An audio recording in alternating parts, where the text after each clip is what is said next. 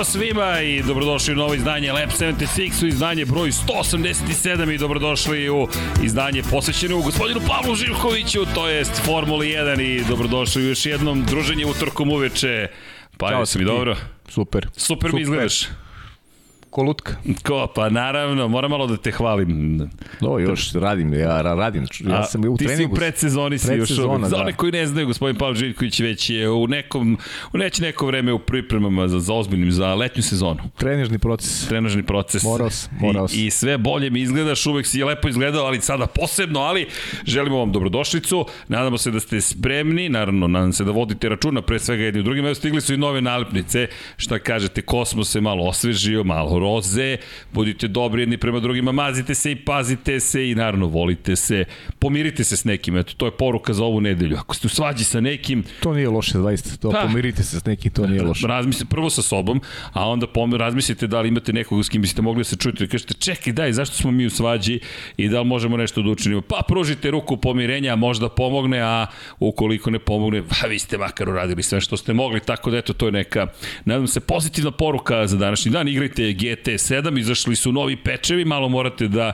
grindujete, ali sve je to okej. Okay. Ko je izgubio snimljene igrice, nadam se da ćete uspeti da ih spasite nekako, ali mi ćemo, danas se nećemo igrati, igraćemo se tokom nedelje, ali polako uvlačimo gospodina Sledeće nedelje, Živkovića, da, da, da. Mislim, ti ćeš sledeće Ja malo ću da najemo Australiju. Tako je, da naj... jo, idemo ponovo u Australiju, to će tek biti uzbudljivo, ali o tome naravno, on je tamo nedelje. Danas ćemo pričati o Saudijskoj Arabiji i novim titanima, o novoj eri Formule 1. Naravno, spomenut ćemo i neke druge stvari. Pohvale onima koji su trenutno među najboljima, skoro 4000 učesnika fantazija, ljudi svaka čast, ne znam šta drugo da kažem, ubacit ćemo, Vanja, podsjeti me, molim te da ubacimo kodove i linkove za ligu u sve opise naših videa, s obzirom činjenicu da dosta ljudi pita, a ne, ne stignemo svima da odgovorimo, pa ćemo to isto da učinimo. Če, kako? Imaš u opisu, ja, Vanja, ti si legenda. Kultna ličnost zvanja Vanja, tu nam je i Don Pablo, vratio se sa, ne znamo ni da li dalje bio na odmoru, ali se vratio. Sa jednom mesečnog odmora. Tako je, dolazi i odlazi. To niko nema odmor mesec dana kao ne, Don Pablo. ali Don Pablo, čak ni ne kaže idem na odmor, samo ga nema. I niko ne sme da, ili ko, ako iz ko vidi Don Pablovo lice, Kad porastem, bit će Don Pablo. kad porastem, moramo da pravimo film, neki scenariju, i radio emisiju, kad porastem, bit će Don Pablo. Realno. Realno, dobro. Vanja, jel još uvek diže više iz benča od tebe ili kako si to? Naravno, dobro. Neka, to su sve pozitivne stvari. U svakom slučaju, da, jedite zdravo, budite dobri, stiglo je leto. Ako me neko pita gde sam pocrneo, to je zato što se šetam ulicama grada Beograda i ne, nisam pocrneo. A samo sam... ti kažem nešto, Don Da. Pablo, posle odmora od mesec dana, sipao mi je toplu vodu. pa, Prvi put u životu pijem toplu vodu koja se ne zove čaj. ali dobro, možda želi da ti sve. pomogne u... Za sve postoje prvi put. Možda želi da ti pomogne u ubrzavanju metabolizma. Moguće. Znaš, Moguće. možda je to neka specijalna kura. Jeste. Još da ti doda limun, to kažu da se pije. Da, Topla voda s limunom. Da, zdravo je, pa To, da. zdra... zdravo Hvala, je. hvala. Hvala Don Pablo. To tako Kimi Divans, radi ili u Kini divans. radi? Ne, Pošto pa ima Kimi majicu koja ima oblik Da. limuna, možda je to inspirisalo Don Pablo. Kimi. Moramo da napravimo Možda, mi, majicu. možda ima kivija malo. Ja sam Don Pablo. Kivi sam volao kao mali, to je Stvarno? moje omiljeno voće. da pa ja isto, raste, se, raste u kraju. kiwi. da, da, tamo kod tebe. da, da, ja sam više za avokado, u Zemunu je rastao avokado. Pa Avokado, to. jeste. da, da, da, pozdrav Jimmy u našem Sandeju, povredio se čovjek u pokušaju da bude kuvar. Opet se da, povredio. Da, tri, tri šava je dobio pokušaj On da se izvadi, stalno povređuje, pada ovde u studiju. pokušaj da izvadi e, košpicu avokada, znaš, nožem. To su fore. Nemojte to da radite, deco, budite oprezni. Kako, to je, to je teretani zvanično, da, da, pa kada je dizao 400 funti iz benča, onda mu je proleteo mu je, jel te, olimpijska šipka je odletela na svoju stranu. No, da se mi bacimo na fokus, da prebacimo ono što je razlog zbog kog se, nadam se, okupili, a to je Formula 1, pa evo, Čekaj, nova era je apsolutno počela. Imamo toliko tema za večeras, međutim naslov jeste novi titani. Jedan je već titan bio prošle godine, Max Verstappen, čovjek koji je osvojio titulu, ali ovo što nam se sprema čini se u 2022. neka vrsta nastavka onih duela, međutim novi, novi čovjek se pojavio u celoj priči, Charles Leclerc, Ferrarijevci, nadam se da uživate, potpuno vaskrsnuće, evo ih ovde, Milica je to, to je Ivan, naravno ekipa. I šta je Milica rekla, pusti nas da uživamo. I odjednom pone tribine Ferarijevih navijača, u svakom slučaju, pa kakav spektakl u, u, u Saudijskoj Arabiji, dueli do poslednjeg momenta, kvalifikacioni krugovi da se citiramo. I ono što su i rekli sami na konferenciji za medije posle toga u završnici pobjeda Maxa Verstappena, drugi Charles Leclerc, treći Carlos Sainz, četvrti bio pa nesrećni Sergio Perez, ali činjeni, pet inače George Russell, da ne zaboravim čoveka, ali činjenica da je taj duel između Leclerca i Verstappena označio nastavak duela zapravo, početak možda nečeg veličanstvenog, vidjet ćemo, ali da, da. kakva trka. Pa imaš te, te takozvane, te, te, te fine vozače, te, te momke koji idu onako i mimo svojih granica i za Maxa Verstappena znamo da je taj, a znamo i da je koliko je Charles Leclerc brz. O, o, ono što je njemu nedostajalo u prošlosti je pouzdanost. Sad reći neko da nije imao ovakav bolid, ok, nije imao ovakav bolid, ali imao je priliku da bude bolji u, sa onim što imao u rukama tokom prethodnih godina. Međutim, ove prve dve trke Znači, ne može da mu se nađe zarez u, u svemu, taktika, vožnja, ponašanje, znači, dečko je 100% e, na mestu. Znači, zaista fenomenalan i obeleži početak sezone, u ostalom lideri u šampionatu.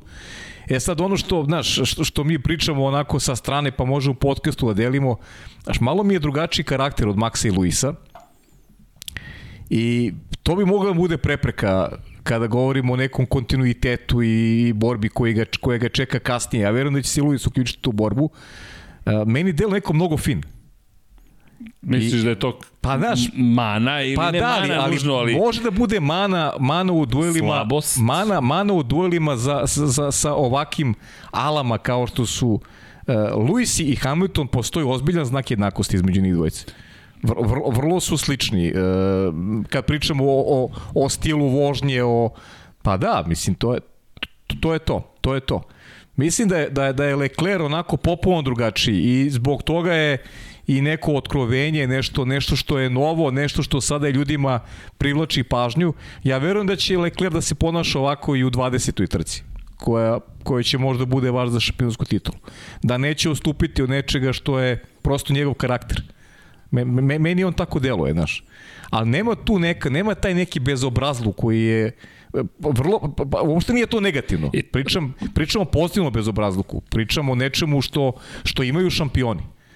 E, da, te, tu, da, tu da. nešto, tu ima neka, neka kvaka koja, koja onako meni malo, malo fali kada pričamo o Charlesu Leclercu i tim nekim ambicijama a, njegovim i navijača Ferrari da, da, da Leclerc postane postane šampion u krajnjem slučaju možda se naslutila i ova trka je bila sjajna trka i trkao se protiv čoveka koji je svetski šampion. Izgubio na kraju, ok, vidjet ćemo, možda će sledeću trku na isti način dobiti.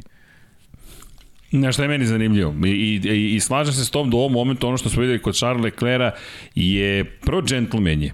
Dakle, Ma... način na koji je čestitao, prihvatio poraz i pričat ćemo o tome zašto i takođe pretrpeo poraz i deluje da je mogao da i dalje triumfuje, ali ajde ući ćemo u analizu, međutim da krenemo upravo tog džentlmenskog poteza i tog pitanja da li će to biti nedostatak. Kada kažemo nedostatak, mi ovde baš pričamo o tome da treba biti kulturan, ljubazan, pristojan Međutim, kada se susretnete sa ljudima koji su spremni da, izvinjaju se, odu i korak dalje, i to ne znači preko granica dozvoljenog, ali Lewis Hamilton je jedan od najagresivnijih vozača. To se možda ne vidi, s obzirom na činjenicu da u poslednjih x godina, ajde, konkretno 8 godina bio zaista u bolidu koji nije ni tražio od njega da bude preterano agresivan. Tek prošle godine i do nekle 2016. u duelima s Nikom Rosbergom je morao da eventualno bude agresivniji, ali u danima u McLarenu izuzetno agresivan vozač. Jeste. Max Verstappen s druge strane izuzetno agresivan vozač i sada dolazimo do Charles Leclerc. Ne znamo da li će biti izuzetno ne znam, agresivan. Da, da, ne znamo, definitivno ne znamo.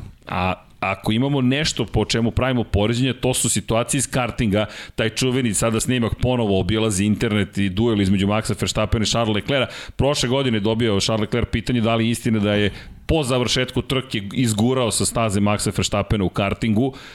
Ukratko jeste, ali šta se dogodilo? Dogodilo se da je tokom trke napao Maxa Verstappena, pretekao ga, došlo do kontakta, da bi se u sledećoj krivini Max u njega sjurio bukvalno, izbacio ga sa staze. Kada se završilo trka, Max pobedio, Charles je prošao kroz cilj i malo pogurao, recimo, Maxa Verstappena direktno u baru, koja je otprilike bila do visine samo kartinga. Se vratimo nazad, veliki broj grešaka koje je pravio u prošlosti Charles Leclerc. I, i prošle sezone i preprošle sezone, znači nije to samo bolid, nego a, koliko izvučeš ti od, od bolida koji imaš u rukama koji je tvoj maksimum? Da li, da, da, li, je, e, da li si uradio sve da trka, da trka bude e, najbolja moguća iz tvoje perspektive? Pazi, ovo sada što je pokazao... Sada, sada o, ove dve trke maksimala. Nema šta mu za zameri. Prosto je impresivno. izgubio finišu od, od bržeg od sebe. I, I to je to. Znači, ne, dao je sve od sebe, nije mogao, nije prošlo. Imao je malo Max, e, možda i sreće malo zbog e, izlaska, tačnije ono virtualno vozilo bezbednosti kad je sa 2,2 smanjio razliku na sekund. E, e to, to je možda bio i kritičan moment na trke kada je Max onda konstantno vršio pritisak i, i uspeo u jednom momentu da... da ali ajke, Ima tu okay, zanimljiva priča. Aj, da. možemo i to odmah da se dotaknemo toga. Dovratit ćemo se vratno ako budemo išli i ole hronološki, ali taj moment kada se pojavilo virtualno vozilo bezbednosti na stazi, dakle, u momentu kada moraju sporije da voze, dolazimo u, u koju situaciju? Situaciju da je Charles Leclerc neko ko po mikrosektoru, kako funkcioniše, samo da objasnimo virtualno vozilo bezbednosti. Dakle, vi morate da usporite za određeni procenat koji kaže direkcija trke. Vi imate praktično mikrosektore, delimo stazu na tri sektora, mikrosektor ili mikrosegmenti postoje. Delta vreme takozvano postoji kroz svaki praktično deo staze i on na upravljaču može da vidi zapravo koliki je njegov zaostatak u odnosu na delta vreme. Dakle, on mora da bude sporiji od vremena koje je definisano on kontroliše tempo, on daje, oduzima gas, koči i tako dalje, s tim što inženjer je taj ko mu daje informacije. Navodno je njegov inženjer trkački u trci u momentu kada je bilo virtualno vozilo bezbednosti pri kraju, taj period, rekao gotovo je, Charles je krenuo, međutim onda je dobio informaciju još nije gotovo, to je tek se završava period, usporio i tu je navodno izgubio preko 2 sekunde, skoro 3, 2,5 sekunde, što je omogućilo Verstappenu da se približi. Dakle, koliko detalja, o kojim detaljima morate da vodite računa u savremenoj Formuli 1, prosto je impresivno šta su oni uradili, da oni voze pod onakvim pritiskom, virtualno vozilo bezbednosti, pa onda DRS, da, linija, ne, iza tebe je vozač, budeš brz, troše, potrošene gume. Žute zastave. Žute zastave, ma neverovatno. Da ne voziš najbrže po žutim zastavama. Bukvalno. Ma, mil, milion sekvenca na koje smo morali da pažnju. Jeste. I, I u tom momentu ta, ma, taj mali propust, taj detalj otvara priliku Maxu Verstappenu koji, zahvaljujući DRS-u, uopšte može da dođe do toga da zapravo napadne Charles Leclerc. I rekli su jednoglasno da nema DRS-a, da nije bilo DRS-a, ne bi bilo šanse da ga pretekne. Pa to je ono što smo, to što smo pričali česte, evo, evo već druga trka. Znaš, ne, ne vidim neke velike razlike u tom pogledu. Znaš, bez DRS-a ti ne možeš na nivou takih vozača, ne može, ne može da, da, da, da obaviš pretice. Samo DRS. Ne, ne I imali smo sreće ove dve trke da smo imali tri DRS zone. I, I, da i onda tako smo, postavljene. Tako postavljene, bravo, da možeš, da možeš onako da, da imaš te vezane napade, razmene udaraca. Vidjet ćemo šta će biti nekim, na nekim drugim stazama. Ali bez DRS-a, bez DRS-a je gotovo nemoguće preticati. Mogu ovi bolji vozači, bolji iz boljih timova, da pretiču vozači iz ovih manjih timova. I to je, to je nešto što gledamo kao standard već unazad 10 godina.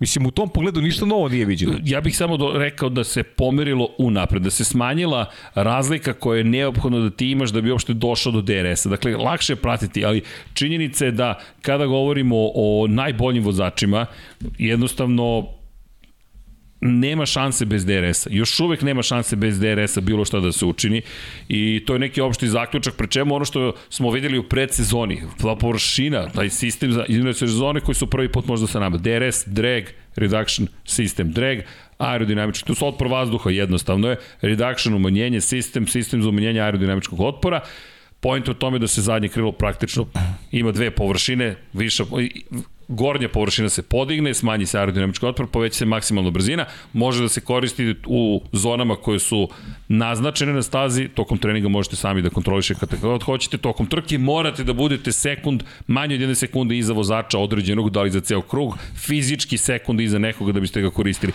I to je ta sada igranka stići. I sad postoji još jedna igranka, a to je ta igranka sa linijama. Međutim, da ne odemo odmah predaleko, samo korak unazad moramo da se vratimo.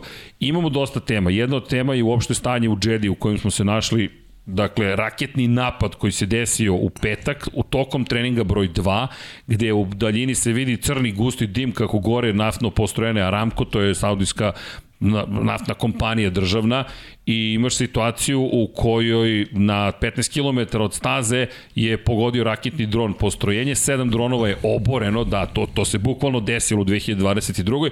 Inače, istorija Formula 1 nije tako nežna i delikatna. Dakle, pre možemo da posebnu temu napravimo o tome dakle sve dolazi u novac i gde se sve vozilo, ali u ovoj situaciji ti si praktično u nekoj zoni koja nije nužno ratna džeda, nije ratna zona, ali imaš situaciju koju Husi, Huti, kako god želite, iz Jemena šalju dronove, tamo je humanitarna katastrofa opšta o kojoj niko inače ne priča, gde je Saudijska Arabija prema njenim tvrdnjama izvodi operaciju od 2015. godine, specijalno de facto je rat tamo i tu je Formula 1 odjednom, gde neko, Husi su preuzeli odgovornost za napad, mi pričamo odjednom o tome da li će se uopšte voziti i bezbednost znača kakva će biti i mi nastavljamo dalje. Cirkus prosto vozi svoju trku. Pa to lepo si rekao, mislim, suština je njegovo veličanstvo novac i to je to. Na nekim drugim mestima možda Formula 1 i ne bi bilo, jer znamo da su vozači pretili bojkotom, da su tu onako bila neka uverenja sa strane, da čak su pojedini mediji preneli da je onako tu bilo onako vrlo ozbiljnih razgovora i žučnih razgovora na temu uh,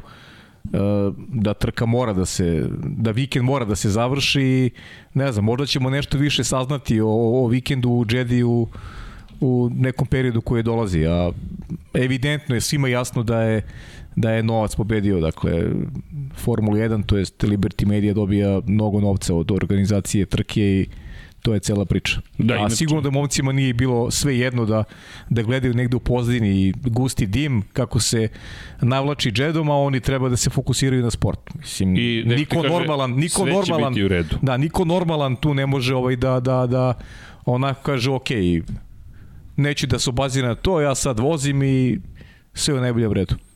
A znaš da nije ali kao što Mislim, si rekao vidiš da nije vidiš da nije bukvalno ali kao što si rekao prosto na kraju dana smo došli u situaciju da je inače BBC pa da, sport... živimo u ovom periodu dvostrukih aršina i više tu niko ne može da povata ovaj, šta je istina, šta nije, u stvari svako treba po nosu onako da kreira, da nađe negde između ovaj, da nađe neku sredinu zlatnu i da se rukovodi nekim, nekim svojim mišljenjem, da, da i ne sluša ovaj, medije generalno i i to je to. Osim Lab 76.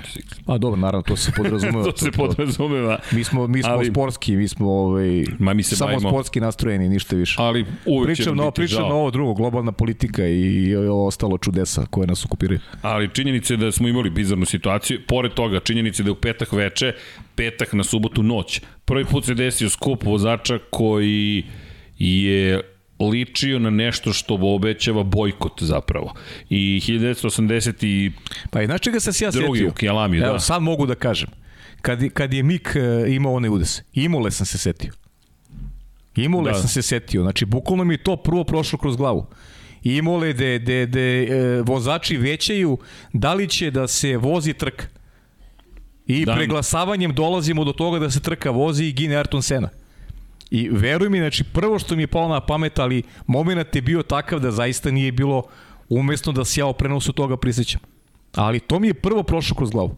Evo sad u podcastu kad je sve prošlo dobro, veruj mi da, da kad se to dogodilo Miku Šumekeru, negde sam ovaj, razmišljao o tome da bi nedelja mogla ponovo da bude da bude kritična, da će se desiti još nešto ovaj, nešto ružno, ali eto srećom, srećom nije.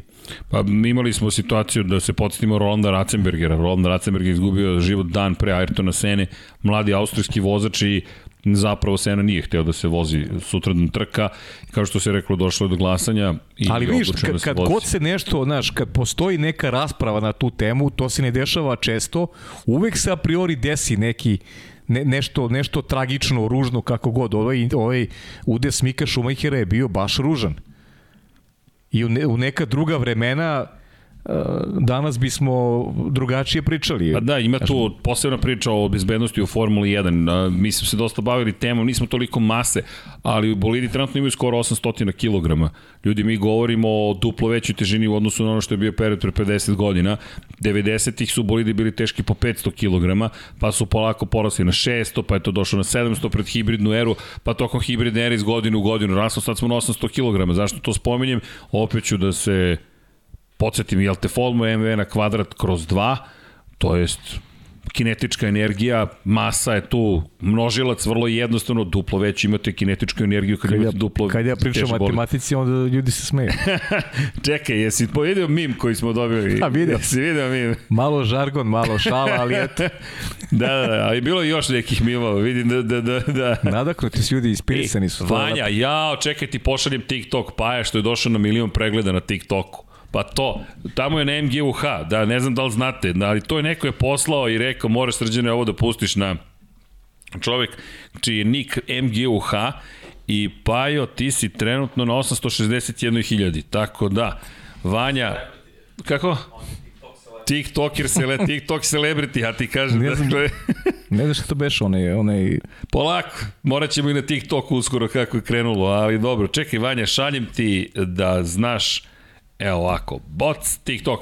E, inače, Dušan Stanković, čovjek donirao 500 dinara, hvala, čekaj, nisam ni rekao od uzbuđenja, pa udrite like, drugari, pa čekajte. E, prošli put je uspela fora, ko navija za Ferrari, neka udri like, pa ajmo Ferrarijevci, možete vi to i ove nedelje. Niste pobedili, ali opet nema veze. Pobedio je Ferrari. Vodi Ferrari. Ferrari ima najviše bodove, skupio I u šampionatu konstruktora je šampionatu vozača. I da, naravno, ono, Sergio, Sergio, tačnije, Carlos Sainz nije kažnjen. Da, nije, nije kažnjen na kraju, završio je završio treći, da. na trećoj poziciji. Ali evo, kome je žao što je Sergio, u stvari ne, to Ferrarijevcima sigurno nije žao, niti Verstappenovcima, ali nešto pozitivno, čekaj da smislimo nešto me, pozitivno. Pa ja moram ti kažem, meni je žao, ali, ali posle ne bismo imali takvu trku, ne. znaš, da, da, da je Čeko ostao na, na prvoj poziciji. Da, inače, od odgovorimo Dušanu 500 dinara, čovjek donira pozdrav svima, kako to da ako svi moraju da uspore kada je safety car se desi, da ovi koji su iza stignu, ovi koji su ispred, ako svi idu sporo, onda ne treba da se približavaju jedni drugima. To je ono što smo malo prepričali, samo dve stvari da raz... To je da, bitno, da, da, To, to je bitno za reći. Nije safety car, nego virtualno, virtualno vozilo, vozilo bezbednosti. bezbednosti. Tako, imamo vozilo bezbednosti klasično. Šta je vozilo bezbednosti? Pa, bukvalno u ovom slučaju opet bio Mercedes, dakle, opet onaj Black Edition se pojavio u crvenim bojama, specifična situacija, ali Kada izađe vozilo bezbednosti, pravilo je da svi moraju onda da se, da se skupe u praktično neku vrstu, možemo reći, procesije ulaze pre jedni iza drugih i moraju da zauzmu pozicije tik jedne uz druge. Dakle, to je, čekamo ceo karavan da se skupi na jedno mesto, oni koji zaostaju za ceo krug, sa po novom pravilima, svi koji zaostaju za ceo krug moraju da se vrate u krug sa vodećim i potom čekamo signal da će se vozilo bezbednosti povući sa staze. Direkcija trke potom odlučuje, evo ga Pajo, vidi ga, Pajo, ne se, ne, ovo ne samo da emitujemo, ali čisto da znate, mojim? Pa mislim ne, ne, ne, da, ne, mislim, samo možemo da pokažemo, ali ne samo video da emitujemo. U svakom slučaju, eto, MGUH, Stefan Petrović potrav za Stefana, MGUH je okačio Paju, pa eto, ko hoće neka zaprati ta TikToku MGUH, ali čisto, eto, Vanja, dokaz 860.000 TikTok, TikTokova si skupio. Pa dakle, je to zbog Paje, nego zbog događaja. da, da, da, da. Ne, pa ti si magičan čovjek, tako da molim te. Majka ti kaže. Da, pre, ima, ima sad i novi, novi mim za, za kišu, ali to ne možemo da pustimo, nije baš najpristojnije. Da, to sam vidio, da. Da, da. U svakom slučaju, dakle, kada pričamo o vozilu bezbednosti, direkcija trke odlučuje da li će biti start iz mesta potom ili će biti leteći start. To je jedno. Drugo je, kada imamo virtualno vozilo bezbednosti. Dakle, virtualno vozilo bezbednosti ne postoji fizički objekat na stazi u vidu vozila bezbednosti, zato se zove virtualno, gde moraju da smanje brzinu na 40% obično svoje, svoje uobičajene brzine. Ali, postoji manjkavost kod tog sistema. Kao što smo pisali, vi morate da gađate po mikrosektorima vreme koje morate da pogodite i ima još jedan problem u toj cijeloj situaciji. U zavisnosti od toga gde se vozač nalazi u trenutku kada se aktivira virtualno vozilo bezbednosti, može da utiče na to koliko će biti udaljeni jedni od drugih. Zašto? Vrlo je jednostavna situacija. Dakle, vi ste, na primjer, u Ukosnici i brzina vam je 90 km na čas. Vi treba da smanjite brzinu na 40% svog kretanja. Dakle, spuštate nekih 30 i koliko, 35 km na čas. Dakle, dolazite do 36 zapravo, ali dobro. S druge strane, neko koji je iza vas, koji ide 200 km na čas ili 300 km na čas, će spustiti svoju brzinu, na primjer, na 140 km na čas. I dalje će se dosta brže od vas kretati i te razlike, iako ne bi trebalo da pomognu, u suštini znaju da pomogu. Dok vi tamo ubrzate, zna da se smanji razlika. Tako da, problem, zašto? Zato što ako virtualno vozilo bezbednosti se aktivira za one koji su na pravcu, a vi ste i dalje u krivini, dok vi ubrzate, onaj tamo koji je na pravcu će imati lakše ubrzanje od vas i vi to opet možete da izgubite. Tako da nije idealno, ali pomaže da se brže zaustavi uslovno rečeno trka, očisti staza i nastavi, a nemamo situaciju koju smo nažalost imali 2015. kad pre uvođenja virtualnog vozila bezbednosti, Žila Bjanke kada smo izgubili u Japanu, koji je pod žutim zastavama vozio, nije bilo vozila bezbednosti, nažalost toliko je brzo vozio da je izgubio kontrolu nad bolidom, udario, to je poseban problem, udario, nažalost, u hajde, kamionet, kamion praktično i izgubio život. Dakle, to su tragične stvari koje su dovele do razvoja suštinski virtualnog vozila bezbednosti i ono ima bezbednostnu ulogu, tako da nije idealno, ovoga puta desilo se da je navodno Šarlov pogrešio inženjer i omogućili su Maxu Verstappenu da se dovoljno približi. Prošle godine situacija je bila obrnuta, u kom kontekstu Na drugoj poziciji bio Lewis Hamilton u Mercedesu. Vodio je Max Verstappen, Hamilton je upravo to uspeo isto da učini pod virtualnim vozilom bezbednosti i tada smo dobili one velike duele u završnici. Opet DRS, kao što si rekao i prošle godine.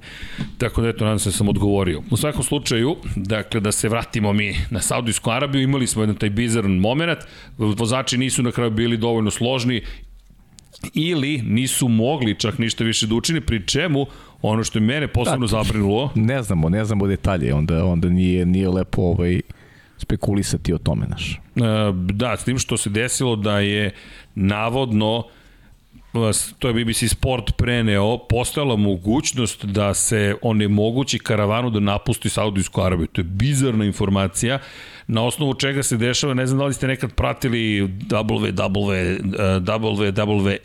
zapravo i kada su rvači bili u Saudijskoj Arabiji, desilo se da su posle razmimilaženja mišljenja između organizatora i vlasti ostali bez goriva u avionu i nisu mogli da napuste Saudijsku Arabiju. Znaš i sam da, da ovakve stvari onako dobiju ovaj, uh, neki deo istine ili, ili se priča o tome kad prođe vreme. Znaš, tako da, pa, da. saznaćemo kad prođe vreme nema potrebe da da samo da konstatujemo da sa nečim što ne znamo, ali nije kraj priče. Nije kraj priče sigurno. Nije kraj priče i znaš kako bi to moglo da se završi? Moglo bi se završi uh, sa velikim znakom pitanja oko budućnosti organizacije trke Saudijske Arabije ne znamo, da. To je, to je možda onako najveća priča, pa ajde vidit ćemo o tom potom. U svakom slučaju se fokusila mi na trku koja je bila fantastična, Slažem sada ovo je ovo su teme koje smo pa onako, moramo da ih prođemo pa, prošli smo ali činjenica je da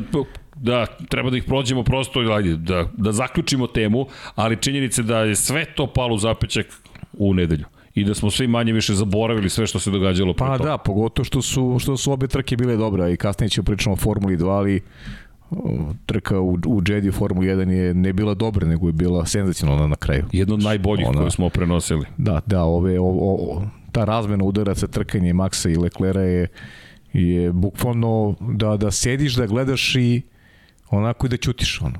Bukvalno, bukvalno i da uživaš. I da, da, da, gleda, da ne možeš da veruješ šta gledaš. bukvalno nije bilo. Strategije o čemu sve razmi, o čemu su morali da razmišljaju, to je to je u stvari poenta cele priče.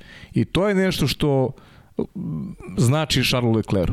Jer ono, on u ovakvim situacijama nije bio. U kontinuitetu nije bio.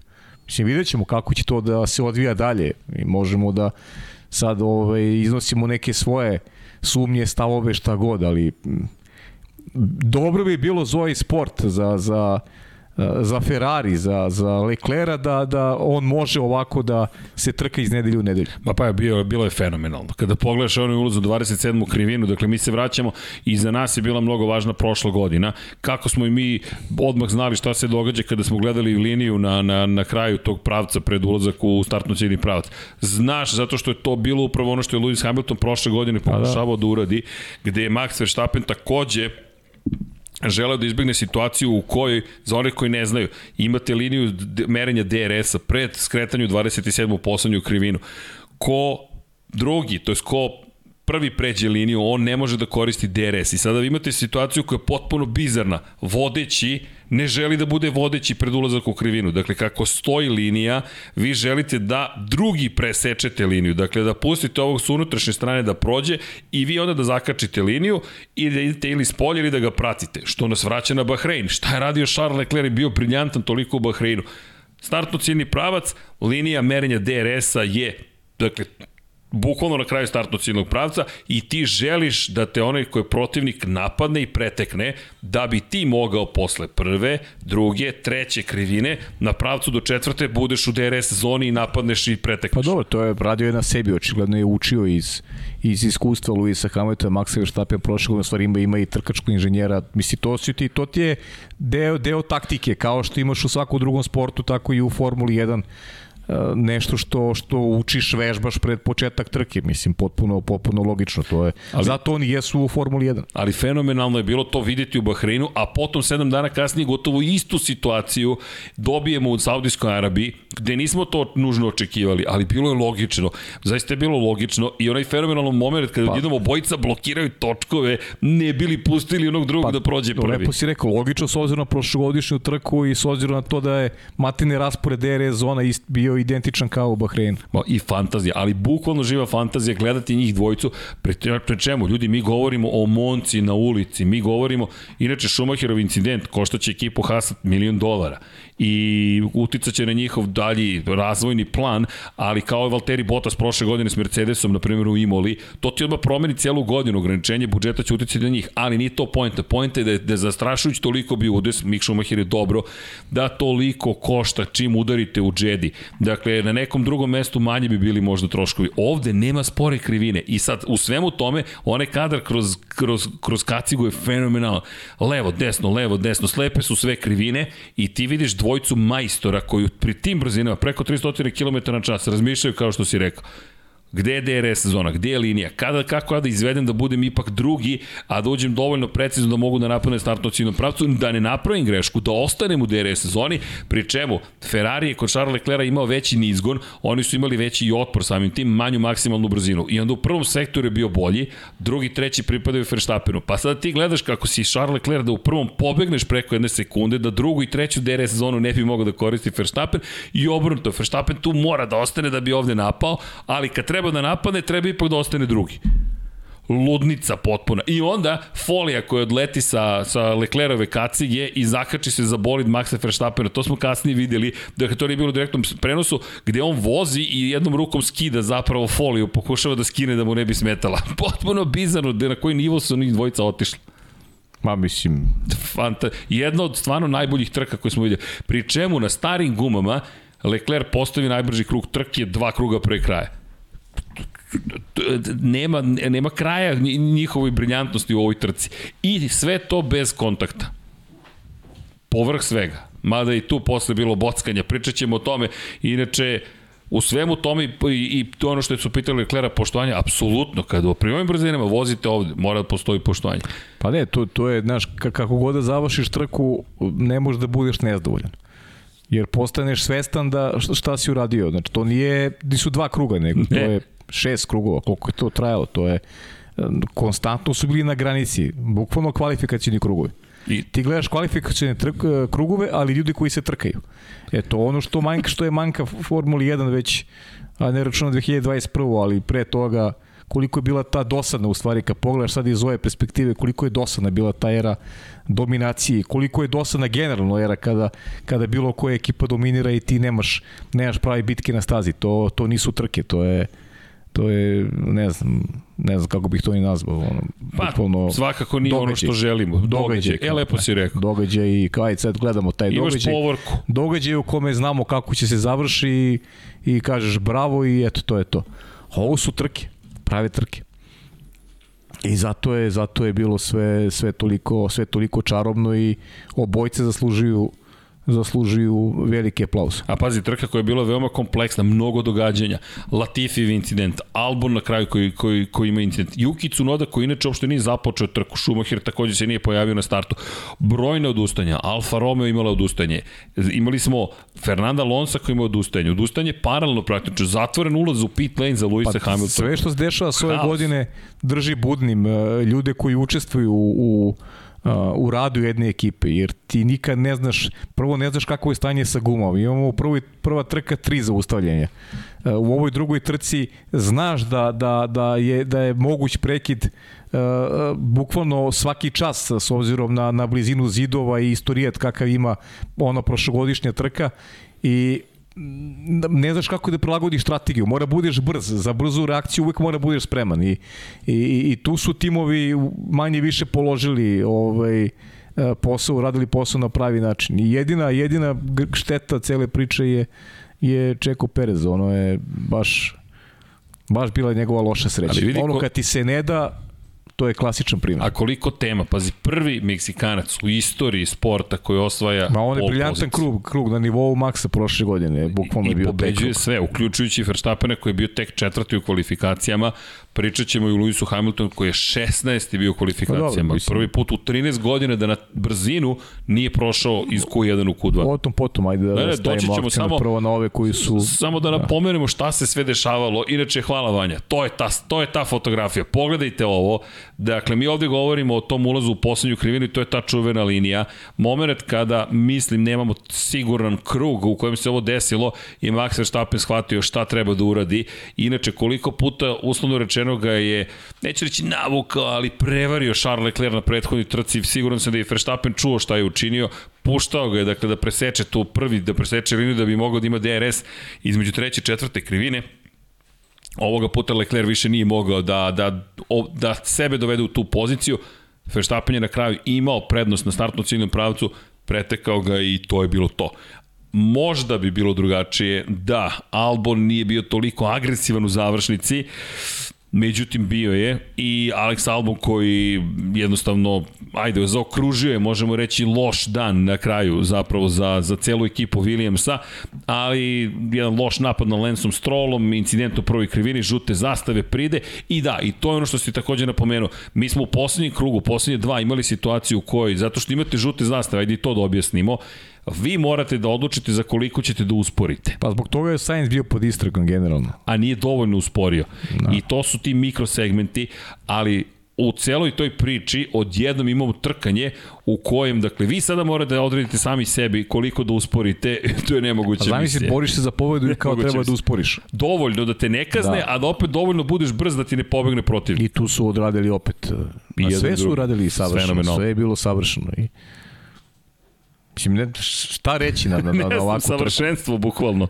Baš je bilo uživanje. To je, znaš, na šta je, zašto možda više pričamo, pričamo o Lecleru? Jer navikli smo Maxa da gledamo u ovakvim situacijama. Le, Lecler je, ne može baš da se pohvali da je, da je imao ovakve momente uh, od, od, od trenutka kada je došao u Formuli 1. Baš su bili redki. A, a često je gubio ovakve duele. Mislim, više ima poraz nego pobjeda, generalno gledajući. Ali... U onim šansama koje je dobio za Ferrari. Ove dve, ove dve trke su pokazatelj da on može protiv uh, Maxa Verstappena i Luisa Hamiltona. Uh, zbog toga je meni utisak uh, prva dva vikenda veći Jer evo, ja iskreno, ali sad ne bude da nekim ljudima sam se dopisivao i neki tip posle kvalifikacija iskreno meni bio Max Verstappen, evo, najiskreniji.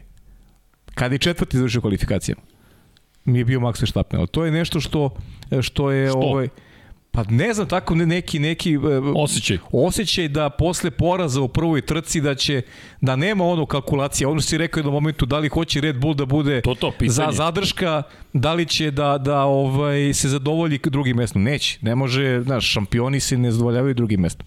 To je to je nešto što krasi Luisa Hamiltona. To je ona priča vezano za Azerbejdžan kod Luisa. Oni mogu da kalkulišu u Azerbejdžanu. maraton. I možda trče maraton, maraton možda, mogu, možda mogu da osvoji titulu u Azerbejdžanu. Ali ne baš. Ali ne, hteo je da pobedi. Pa da. I to je to, znači šampion hoće da pobedi.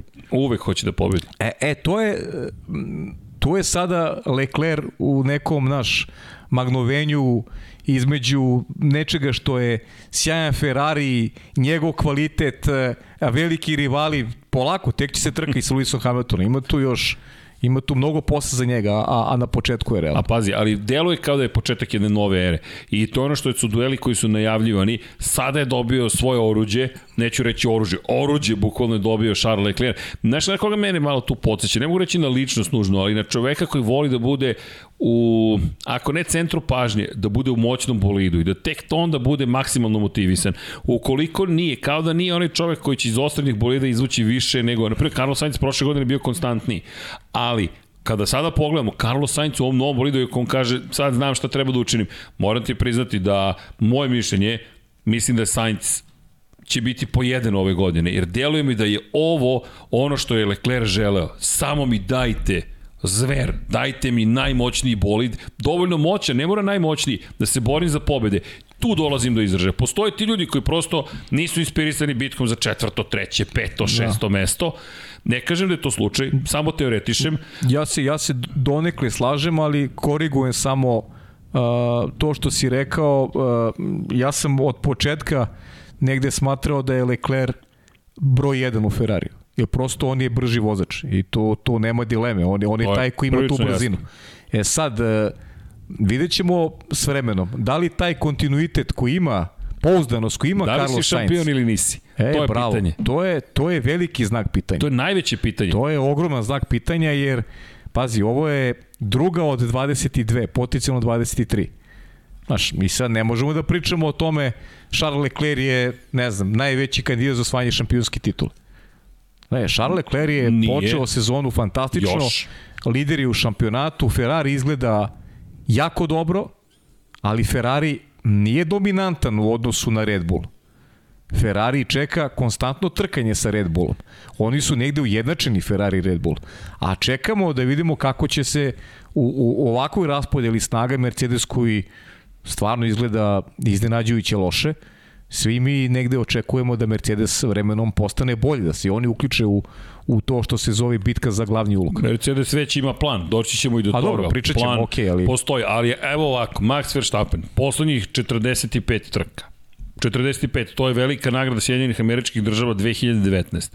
Treći, prvi, drugi, odustajanje u Austriji, treći, drugi, drugi, prvi, drugi, treći, do, do dva odustajanja za redom, drugi, drugi, treći, odustajanje, šesti, drugi, odustajanje, prvi. Drugi, prvi, drugi, drugi, prvi, odustajanje Azerbejdžanu, prvi, prvi, prvi, odustajanje u Velikoj Britaniji, deveti u Mađarskoj, prvi, prvi, odustajanje u Monci, drugi, drugi, prvi, prvi, drugi, drugi, drugi, prvi, odustajanje u Bahreinu, prvi. Pa da, mislim, neverovatni rezultati. Vidi, to je poslednjih 45. Naj, najkonstantniji je vozač definitivno Formula 1 Trenutno. Eto koliko već vremenu na 45 trka, to nema, to niko to. nema takve rezultate. Lewis kao... Hamilton, ali dobro. Da, nema, Hamilton ne, ne, nema, nema tu, da, nema, nema tu konstantnost kao, kao Max. Sada već Hamilton i Mercedes su generalno u problemu, ali to je sada pitanje za Leclerc.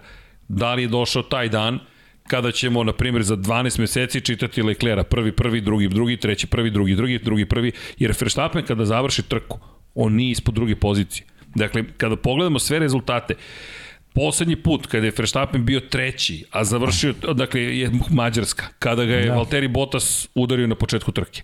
Sve ostalo, prvi i drugi. Poslednji put kada je bio van toga, pred da ne računamo Mađarsku, je bila Turska 2020. godine. Neverovatan, neverovatna konstantnost i to jeste pravi svetski šampion. Ali Leclerc je pokazao zube i rekao je, to je ono što, sam, što sam hteo. Fantastično. Pri pa čemu... nema, nije, nije sporno uopšte, nego eto mi malo zato služi podcast da malo analiziramo, da malo kažemo šta nam se sviđa, šta nam se ne sviđa. Ovo nam se sviđa. Ovo nam se, Ovo nam da, se veoma nam sviđa. Pa ja, ja se ne sećam takvog uzbuđenja, jer čak i prošla godina, gde smo imali Hamiltona protiv Verstappena, nije donela toliko uzbuđenja iz koje perspektive. Znali smo da će njih dvojica biti tu, ali da će Sergio Perez da osvoji pol poziciju da ima šansu da se bori za pobedu. Nije baš bilo tako jednostavno, a da vidiš da je u prvoj trci bio toliko dobar. Zatim, da ti imaš iznenađenja dole u bitkama za niže pozicije, gde je odjednom pa ajde, ne znam da li je to iznenađenje, najveće iznenađenje i svako i dalje ostaje Alfa Romeo, ali Haas, Kevin Magnussen da su toliko brzi, da Lewis Hamilton ne može da se probije u Q2 deo kvalifikacija. Pa to je možda i najveća senzacija. Senzacija, bukvalno. Nemoguće mi se, 13 godine prošlo. U Q2 je Od kada on na brzinu bio Pa evo, van je posle, Milan Gajić je posle tokom prenosa. Ovaj, on je malo gledao po onako statistiku i Lewis Hamilton samo 8 puta nije u karijeri prošao u Q2. U karijeri? U karijeri, znači eto, 16 godina 8 puta u karijeri nije prošao Q2, što je Ne, ne, mi mislim, pričamo kao ovo što smo pričali o Verstappenu, dakle da je to, to je jedna ozbiljna anomalija. I isto važno za, za Luisa Hamiltona. I da napomenemo, Mercedes već ima plan, novi pod već stiže u Australiju. Ma mislim Mercedes mora, čuli smo i Toto Wolfa i koliko je nezdovoljan i kažem pre svega taj učinak kvalifikacijama Luisa Hamiltona mislim da je onako značno poremetio. Ako je tempo za trku bio solidan Luisa, lepo si procenio, ja sam malo drugačijeg stava bio tokom prenosa, ali jedno stajanje i Luisu nije pogodao, čak i onaj moment da si vozilo kad je bilo virtualno vozilo bezbednosti, imaš dva bolida koje su parkirane Mark, Maltin ulazak u pit lane. I, I onda zatvoren pit lane, znači nije stigao ni da menja pneumatike, baš je imao baš je Luis imao lošu sreću, ali dobro, ne može Luis je poznat kao vozač koji imao često sreće u karijeri, ne može baš uvek da mu se namesti. Pa ovoga puta baš se nije namestilo i, i to ni na koji način se nije namestilo. Inače, ne brinite, za večera smo mi pripremili, zahvaljujući Aleksi Vučeju, neke analize s tim što još uvijek nisu stigli podaci svi sa trka, međutim manje više se neke stvari potvrđuju. Kažem, mnogo tema, ne zamerite koliko malo budemo skakali, ali to je lepota podcasta. Da, znaš što me zanima kod, za, za navijače da. Red Bulla?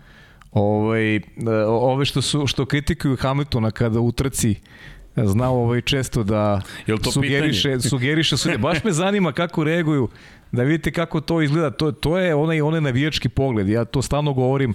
Meni smeta kad god to neko radi. Nisam Dobro. teo, nisam teo prenosu da reagujem jer onakvo trkanje nije zaslužilo da se bavimo drugim stvarima, ali Max je stigao u onom silnom trkanju da čak dva puta ovaj, prozove ekipu i da kaže kako je Leclerc nešto uradio što se graniči sa, sa pravilima, da su mu čak u timu rekli Max, radi ti svoj posao, pusti nas da mi radimo naš. U sred one, one drame koje se odvijela na stazi. Tako da, kad Rudy Lewis Hamilton to smeta i obrnuto, kako je, kakav je taj navijački pogled ovaj, neka zna da bude surov. ne znam kako ti gledaš. Pa, kako je... pa, pa evo, kako gledam? Da citiram našeg jednog prijatelja, nije mi dao dozvolju da, da, da ga cit, da, da napomenem njegovo ime, ali stiže poruka tokom prenosa. Šta ti je, kako je to čudno kada postaneš šampion kako počneš da kukaš. kako ali, radiš iste stvari. Kako pa da, ali ja ljudi... često govore, na prošle godine su Maxu zamerali na jači Hamiltona kako je on agresivan, a oni stvarno imaju vrlo, vrlo slične stvari rade i agresivni su podjednako, pa mislim zato su šampioni ljudi. Pa ne, nema take no prisoners, dakle nema, nema tu zarobljenika. Nema. Vi idete do kraja, šta je, obratite pažnju samo na koliko se Formula 1 promenila. S jedne strane, često najviše se vidi kada nam se nešto ne dopada, ali hajde da pričamo onome što se, evo, makar meni dopada i zašto se divim ovim vozačima i nisam siguran da biste danas mogli da uzmete vozače iz 80-ih i 90-ih i da ih stavite u ove bolide da kažete, ok, ovi ljudi će da pobede.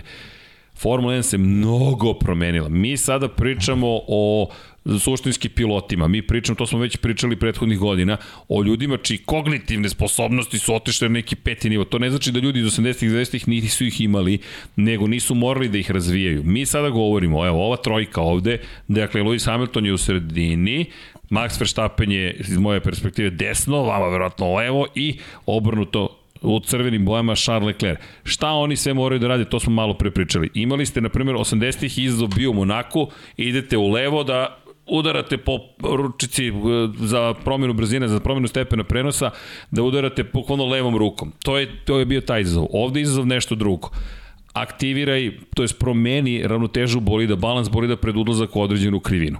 Aktiviraj DRS, vodi računa o tome gde je linija DRS-a, vodi računa o mikrosegmentima, vodi računa o tome da, na primjer, kad ti se folija tamo zaglavi, skidaš dok voziš kroz džedu, vodi računa o tome da imaš bolide koje su 5,5 metara, malo kraći ove godine, veliki, dugački, kako god želite, i, i 300 kg teži, imate drugačiju vrstu isporuke snage, imate mnogo više elektronike, ali mi dolazimo kada je reč o ovome i o tome da oni razmišljaju upravo ono što i Verstappen govorio, oprostite, Leclerc govorio, kako Verstappen, inače pohvale za Maxa Verstappena, zaista mnogo detalja kada. Vozilo bezbednosti, i Charles Leclerc je rekao da je pratio kako Verstappen da, vodi, da, da. vozi pod vozilom bezbednosti. Šta je uradio ovoga puta? Ako se vratimo nazad u Bahrein, mi u poslednjoj krivini, dakle kako ide staza, ajde da ovako. U stvari, ne, ne mogu tako da se okrenem, neću moći do mikrofona. Dakle, šta pričamo? Mi imamo dva vozača, na desnu stranu idemo, iz moje perspektive desno. Dakle, Leclerc je ovde, ovde Max Verstappen. Vrlo oštre su krivine u Bahreinu. I ostavio ga je praktično tu Leclerc. Dakle, da bude na unut, sa unutrašnje strane krivine. Međutim, šta je Verstappen ovoga puta uradio? Obratite pažnju na to kako su oni postanjeni. Dakle, Leclerc je ovde, ovde je Verstappen, ide se u desno, Sainz je iza. Leclerc je pobegao, Sainz je napao Verstappena bezuspešno. To je prva trka u Bahreinu. U Džedi Mi imamo drugačiju sada situaciju. Mi imamo situaciju u kojoj zapravo Max Verstappen je naterao Charles Leclerc da ostane sa leve strane. Dakle, njemu pripada sada unutrašnja strana krivine u levo na ponovljenom startu. Leclerc to nije smio sebi da dozvoli. Leclerc je morao da zauzme poziciju sa desne strane i da tu ostane, ali Max, koliko je mudar bio u toj situaciji, obojce su mudri, ovoga puta mudri je bio Max. Leclerc misli da to nije očekivao. Koji vozi ovom stranom i Max se ovde postavlja. I ne da mu da se vrati. Oni su u tandemu, oni su u paru, ali Max ga je primorao da bude na levoj strani. To je detalj koji je sada već zaboravljen, ali tu smo mi ne zaboravljamo. I vi sad odjednom imate teži izlaz na startu cijeli pravac za Leklera.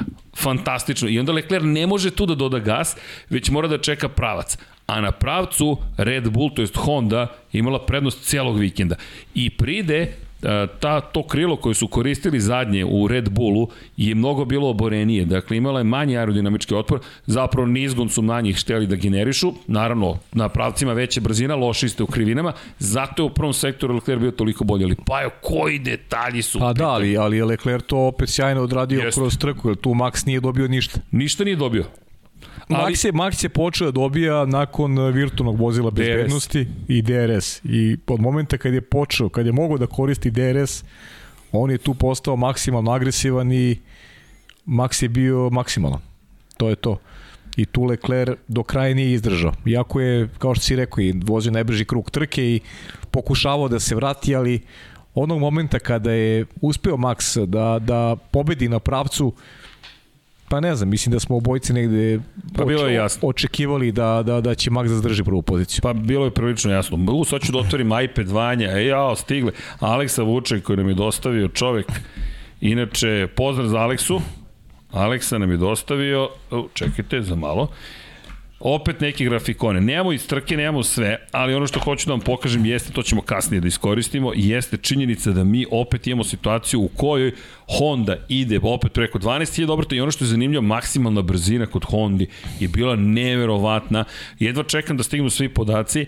Kada budu stigli svi podaci, spremit ćemo to za sledeću nedelju.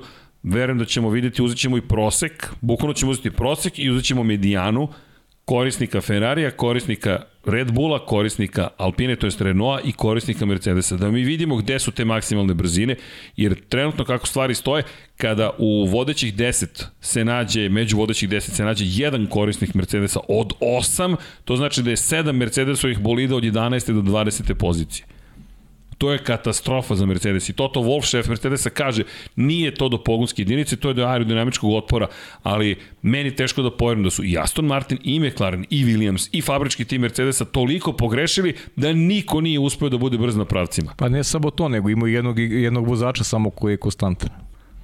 A on se zove George, George Russell. Russell. Tako je. I njega i ne vidimo kroz evo, ove dve trke, malte ga nismo videli, ali dečko je odradio maksimalno Peta pozicija. Da. Još jednom. Inače, Đorđe četvrti i peti bio u prve dve trke, pa da, četvrti je, u šampionatu. A bukvalno sve što je mogao da izvuči iz ova dva vikenda, Đorđe izvukao. Smem da konstatujem nešto. Pa probaj, ajde, ali probaj. da ću se složiti. pa ovo je na nivou Valterija Bottas u Mercedesu. Aha. Pa čak i neke situacijama čak i nije. Mislim, ne, nisu na Naš... pobjedičkom postolju, ali to je to. Donosi da. ti poene. Hamilton je u problemu, ali rešit će se to. Dakle, imali su problem, u trci Hamilton bio mnogo brži, kao što se rekao bio Olpar Znaš kako, rano još da, da, ovaj... Da ga otpišem. Pa ne, ne, nego da dajemo ocene generalne. Mislim ovo na nivou Volterija Botasa i, i ostale priče. Ja, ja, ja Mercedesu, ne zameram ti naravno, pa mislim, ono, svako ima neki neki svoj pogled, ali, ali je Mercedes misle da će biti pravi. Pa ja sam prilično siguran. Misle da će biti pravi. Samo ne, ne konstatujemo ove rezultate. Evo vidiš i McLaren, ne možemo da, da ne kažemo da je McLaren napravio pomak. E da imamo pozdrav od McLarena. I to dramatičan pomak je napravio McLaren. I rekao je Lando Norris, osvajanje poena, ovo je za nas monumentalno. Da. Inače, Dakle, da pozdravimo, uh, Mojo Ramić kaže pozdrav iz Graca od Meklarenovca. Mojo pozdrav za Meklarenovca od cijele ekipe. Znaš kako, kad pričamo o Mercedesovim korisnicima, jednu stvar ne smemo da, da zanemarimo. Nema Sebastina Vettel u Aston Martinu. Znaš, to je ozbiljna stavka. Znači, nemaš ko, vozača broj 1. i Aston Martin u rukama Sebastina Fetela je zaista reper onoga što, što ta ekipa može. S druge strane, okay. Lando Norris je osvojio poene u jednoj vrlo lepoj trci za njega. George Russell je sa, sa Mercedesom napravio dobar rezultat. Mi više možemo pričamo o, o, o tome zašto i gde pogrešio Lewis Hamilton, zašto su kvalifikacije gledale tako loše pre svega. Trka Lewisa Hamiltona nije bila a, toliko loša. Jer ovo nije Mercedes koji može da omogući Hamiltonu da startuje sa šeste pozicije i da pobedi u trci. Drugačija priča, ali je pravio kvalitetan skok tokom trke, imao neka lepa prestizanje na stazi, definitivno manjak sreće koji je možda doveo njega u poziciju da se ne bori za peto mesto, ali ja za Mislim da i dalje Mercedes, realno neko stanje Mercedesa je peta, šesta pozicija. Pa dobro, da su to bi sa se boljim, desilo da nije bilo problema. Tako je. Da to, nije bilo problema to, to bi, za Luisa To bi se suštinski i desilo. Da nije bio I onda kad pogledaš jedno treće, jedno šesto mesto, početak godine u situaciji kad Mercedes je baš loš, mislim da je to da je to dobar rezultat za, za, za stanje stvari. Jer daleko su od Red Bulla i Ferrari. Pazi, Mercedes Realno. je otvoreno priznao da u ovom momentu ekipa jednostavno mora da podigne dno bolida, pod bolida toliko da, da zapravo suštinski ni ne znaju potencijal tog bolida koliki je. Čuveni efekt purposing, to je poskakivanje morskog praseta, morske svinje, kako god želimo, pliskavice, je toliko snažan da oni, to smo sad već zaboravili, toliko je bilo zbudljiva trka, ali ljudi, opet smo gledali kako Lewis Hamilton poskakuje kroz da, treninge. Ako, to je nemoguće misle. Kao, kao na kaldermi kad voziš. Bukvalno, i kao da je seo na jojo, čovjek odskakuje ovako, to je zastrašujuće i to nije preveličavanje, to se vidi jasno. Pri čemu i McLaren čuje se kako pod se, kako udaraju pod i kako malo ubrzo posle toga počinje da poskakuje bolid. I svi imaju te probleme. I još jedna stvar, apropo Red Bulla, Vanja, ili imaš možda mogućnost iPad da prikažeš, ne znam da li smo, to je jao, Vanja, pogledajte ovo, samo kratko, Obratite pažnju na ovaj ovde moment gde imamo situaciju u kojoj, ajde možda ovako bolje da zaokružim, ovo je poređenje Perezovog i Leclerovog kruga i maksimalnih brzina. Plava linija je Red Bull, crvena linija je Ferrari. Ljudi, maksimalne brzine kod Red Bulla yes. na besmislenom nivou. Mi ovde pričamo o, o brzinama preko 330 km pa, vidiš, čas bez problema. Vidiš šta radi Red Bull generalno, mislim Honda šta radi od početka sezone. Oni, onako, pouzdanost im je u drugom planu na, na ušta brzine. I koliko imamo otkazivanja već i Yukija Tsunode, pa i Pereza i Verstappena, imamo koliko hoćeš otkazivanja od početka godine. Pa i promjena samih motora. I promjena samih motora, ali, ali, su, ali su sjajni. Brzi su. Mnogo su brzi. Baš su brzi. Mnogo su brzi. Inače, kada poredimo i, na primjer, vidjet ćete poređenje između Hamiltona i Albona, vidjet ćete da je Albon zapravo brži od Mercedesa. Dakle, evo, ovo je situacija, mogu samo izvini Vanja da se prebacim u Photoshop, daj mi sekund. Dakle, vidjet ćete, hajde da, da ovo istaknemo. Mada ovo, može ovo, evo je super. Perez Hamilton, eto, čisto da iskoristimo priliku, Evo ga još jednom, obratite pažnju na ovo. Međutim, obratite pažnju na, i na krivu te brzine kod Hamiltona i na poskakivanje koje oni imaju. Daleko da kod Pereza to ne postoji do nekle, ali vidjet ćete kako drhti praktično linija bukvalno drhti kod Mercedesa i kada govorimo o brzinama baš su ozbiljni problemi, pre čemu ova razlika, ovo, ovde, dakle i za Ferrari i za Mercedes, nešto što kao što si rekao Honda koristi. To je taktika koja nama se čini da je trenutno Pa mislim evidentno je, da. evidentno je da da je to taktika. Da, Eto, i, i donosi rezultat. vozača koji nije, nije počeo trku uopšte. Čovjeka koji ima svoje poene u prvoj trci, Yuki Tsunoda. Sad je Gasly uzeo poene, ali Dobro, mislim da završili su i... Mislim i... da, da, mislim da je sve podređeno, naravno, ovaj, Red Bull. I to je ono, na šta daje stvarno, ne znam, neko i primetio, pričali smo ti o tome.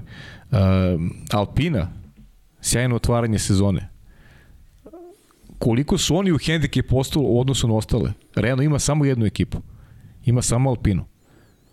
I u nedostatku podataka i, i, i svega onoga što što treba da omogući e, kvalitetan napredak tima, oni uspevaju da na startu sezone, da na startu nove ere imaju vozača u poenima. I da nije bilo onog suludog trkanja, suludog iz percepcije tima da se razumemo. Kao, mi, mi, mi kao navijači, mi kao navijači, mi to želimo da gledamo. Ali Formula 1 je timski sport i mislim da je nedostajalo malo više a, razumevanja, malo više taktičnosti, pre svega od Estebana Okona da, da Alpina ima bolju trku. Jer su sa onim suludim trkanjem a, dovukli vrlo brzo vozače koji su bili iza njih. Mislim da su imali jednu lepu poziciju da se uh, oni onako lepo, uh, ako, ajde, neću reći da su mogli da uglaze Rasela, ali to šesto, sedmo mesto uh, oko uh, i Alonso u saradnju su mogli da uhvate lagano, mislim da čak ne bi došlo do kvara koji imao Alonso i Alonso imao toliko zahtevnu trku. Alonso se čovek, ja ne znam kada se posljednji put u karijeri Alonso toliko trkao. I verujem da je iz te perspektive uživao. Jer on je non stop bio sa nekim u duelu. Stvarno ga je bilo milina gledati i tuga da završi trku na ovaj način. Ali je e, Okon bio taj koji je inspirisao da se dve Alpine, jedan dobar deo trke iz mog onako nekog rezona, pokušavam da gledam kako to tim treba da da sagleda priču, ovaj e, je pogrešio, imao po, potpuno pogrešan pristup. Pa Okon apropo cele bitke rekao ljudi to je bio karting. On je bio karting duel. E sad tu malo postoji problem. Karting duel ti ne donosi u Formuli 1 baš onaj uspeh koji želiš. I sad, kao što si rekao, mi kao obožavaoci trkanja... A ne, nama super, stvarno, ali... Zaista smo uživali. Ali isto tako, za, za njih tu postoji, postoji problem. Inače, pohvalio je, što je logično, Alonso i rekao da je privilegija, da je čast za njega bilo da se trkao protiv Fernanda, to ponekada zaboravimo, ali isto tako je činjenica, zamisli sebe kao mladog vozača i voziš se, boriš se s jednim Alonso. Rekao, rekao Fernando nešto apropo toga. Rekao je, znali smo pre početka trke da možemo da se trkamo jedan protiv drugoga, ali da ne treba da se dotaknemo. Tako da i nismo to učinili. Ali jedan i drugi su bili vrlo korektni. Rekao su, ne, ne, sve je okej. Okay. Imali smo istu strategiju i prosto je to bila bitka između Ne, znaš kako, mi, mi misli kako, stalno pričamo o tome da želimo da se timski kolege trkaju i to je, to je sjajno, ali mislim da početak sezone, upravo ono što sam rekao, Renault koji nema drugu ekipu u šampionatu. Renault je svaki poen, svaka informacija im je, im je neophodna za, za nastavak šampionata i za pripremu onoga Mercedes što ih čeka i naravno. Mercedes ima 8 vozača. A svi imaju, Ferrari Šest. ima. Ferrari 6, Red Bull 4. Red Bull, pa da, samo, samo Renault nema. Inače, ali kada pogledaš grafikone za, za ovo je poređenje među Alonso i Bottasa, na primjer. Dakle, mi ovde govorimo o korisnicima Renaulta i korisnicima Ferrarija. Plava linija je Alonso prilično su izjednačeni duž kruga, ali ima jedno mesto gde se Alpina izdvaja. I Alpina odjednom o kojoj se pričalo da će biti... A da je traktor. Da je traktor. Ovaj traktor, mogu ti reći kao ovo vidiš ovde je prilično brz traktor, pri čemu ove sve linije oni su izjednačeni kada je reč o Alfa Romeo koji koristi Ferrarijevoj pogonske jedinice i krajnje zanimljivo, ovo su inače kvalifikacioni krugovi. Čekamo još podatke iz same trke, ali ljudi, Alpina ima mašinu. I to Evo. ozbiljnu mašinu. I sad, ukoliko ovo mogu da drža ovaj tempo razvoja, imamo o čemu da pričamo. Evo, možda je zato i roze, roze, ro, roze to boja. I na moju sreću, moram da priznam, ja baš Ma super, volim, potrebni volim što je, volim što je Renault dobar, što je Alpina dobra, Ma potrebni zbog svega su. i zbog upravo to potrebni, potrebni su, su, a i zbog tih mladih francuskih vozača koji neko njima je tu, tu mesto im je neko prirodno i um, onako svedoci smo da možda i francuska škola u posljednje deseta godina i najviše izbacuje po znacima navoda tih, tih talenata koji su kadri da se bore za, za šampionsku titulu, naravno tu u vreme Charles Leclerc takođe, kažem, francuska škola, prosto to je to. Je to. Mislim, nema, nema zbora. E, I šta ne smemo da zaboravimo? Šta Pozdrav za Deki Potkonjak najpre, ali Pozdrav za Deki, ako ne gleda da. neki Liverpool i... Da, pa ne znam, da, ili igra večer. Nema, nema, nema, nema. Ne. Dobro, ja to, ti znaš da ja to slabo znam. Ali ono što je činjenica, u ovom momentu četvrta pozicija u šampionatu konstruktora ide Alpini. Prvi je Ferrari, 78 poena, Mercedes je drugi sa 38, ali drugi. Red Bull, samo pokazatelj koliko je moćan Red Bull, uz samo jednu trku među osvajačima, poena 37 poena, poen samo manje od Mercedesa. No. I onda Alpina sa 16, Haas sa 12. Na petom mestu je Haas, Kevin Magnussen, deveto mesto posle pete pozicije u Bahreinu, fantastično. Kevin dve trke, I to posle onih problema koji imao u, u prvom i u, i u drugom treningu, ne znam, ili prvom i trećem. I u prvom i trećem. Na prvom i trećem. Imao je puno problema, ali i na novoj stazi za njega. I završio brzo. trku pouzdan i velika pohvala, to sam rekao. Znaš da smo pričali i, i ovaj, posle kvalifikacija, velika pohvala za Haas što je odlučio da Mick Schumacher ne vozi u trci. Mislim da je to vrlo ispravna odluka i po cenu i, i rezultata, možda i nekog poena još. Pri, pritom pitanje naravno da li je taj bolid mogao da bude spreman za, za trku, ali vrlo brzo nakon kvalifikacije smo dobili obaveštenje da Mik neće voziti, tako da zaista svaka čast na tom nekom ljudskom momentu, jer mislim da, da, da, da Miku uh, apsolutno u, u tom trenutku na takvoj stazi nije, nije bio neophodan još jedan, još jedan stres. Pa prevelik rizik. Ne, zaista nije bilo nikakve potrebe. Da. Pride govorimo i o ozbiljnim oštećenjima, pitanje koliko bi trajala popravka, hajde, to je sekundarno krajnje, ali verujem da bi mogli da učini baš je potpuno nebitno. Baš potpuno je nebitno. sekundarno, ali eto, uticat će kasnije na njihovu sezonu, ali ovaj moment ljudskosti da kažeš, ej, okej, okay, imamo čak šansu da dođemo do pojena, nema veze. Mm, da. Odmori. Bukvalno odmori, najvažnije da bude živ, zdrav, prav, za Naravno. dve nedelje već u Australiji. Pa već prvi, prvi trenizi sledeći, to već je, negde će početi da onako izgubiće ovaj, uh, makar verujem, negde će da, da onako se refrešu i da zaboravi e, šta se dogodilo i moći će mnogo mirnije, staloženije da vozi. Inače, samo da, da, da ne zaboravimo još par stvari, a to je Lando Norris. Rekao si, da. sedma pozicija, ali Pajo, kakav preokret da I, a ne znam da se sećaš, prošle nedelje smo rekli, ko zna, možda Mercedes bude, Bravo, pričali. možda McLaren bude Pa da, drugačija drugačiji. staza, brzo. Ja mislim, ti znaš, ja sam veliki fan Landa Norisa i negde vidim momka kao budućeg šampiona. To je negde je to projekcija moja kad je on u pitanju i zaista je fantastičan ume da, da ume da izvuče maksimum to ono što govorimo o Landu. Ti, ti znaš da taj McLaren nije mogao više kada ga vozi Od Lando. Od ovoga ne. Ti Ovo, znaš, to kad, to. kad Lando odradi posao, znaš da nije moglo više i stvarno, stvarno je, je fantastičan i verujem da je ovo onako jedan, jedno hvatanje zaleta što se kaže da će, me, da će McLaren takođe biti, pa da. biti vremenom bolje. Mislim, neminovno će biti bolje. E sad, da li će biti rezultate iz prošle godine, to je sad već teško teško prognozirati Napet, s obzirom da su da su ova dva tima u vrhu odradila posao majstorno. Ali baš je napeto. napeto. S obzirom na činjenicu da Daniel Ricardo opet je bio spori, bilo problema, odustao na kraju. Pa da, ali Ricardo, Ricardo ko Ricardo, on će, on će uglavnom biti spori od Norisa. Ali doći će trke kada, kada će Ricardo možda napraviti i rezultat sezone za, za McLaren. Ali ono što Prosto mi je nevjerovatno... Takav je, takav je vozač. Ima sad već postoje te amplitude kod njega, nema tog... Uh... Ali ja mislim da zapravo to je to što se njega tiče. Ja mislim To je isto. to. Pa Ovo da. je sad Daniel Ricardo. To će biti, pa će odskočiti, pa će tu da, biti, da. pa će odskočiti, pa će tu biti, pa će odskočiti. Sad nema, pitanje, nema više, nema da kontinuiteta, da, nema kontinuiteta, pa veliko pitanje. Be, da li veliko ga želiš? Pitanje. Mm. To ne znam, ja nemam više odgovor. ugovor na kraju godine, to I je... McLaren šta kaže? Pa, znaš, ne idem u prilog ovi rezultati, znaš, kad te pobeđuje timski kolega, Ovo, A imaš mnogo mladih vozača. Mnogo mladih koji vozača. čekaju. I čekaju svoju priliku.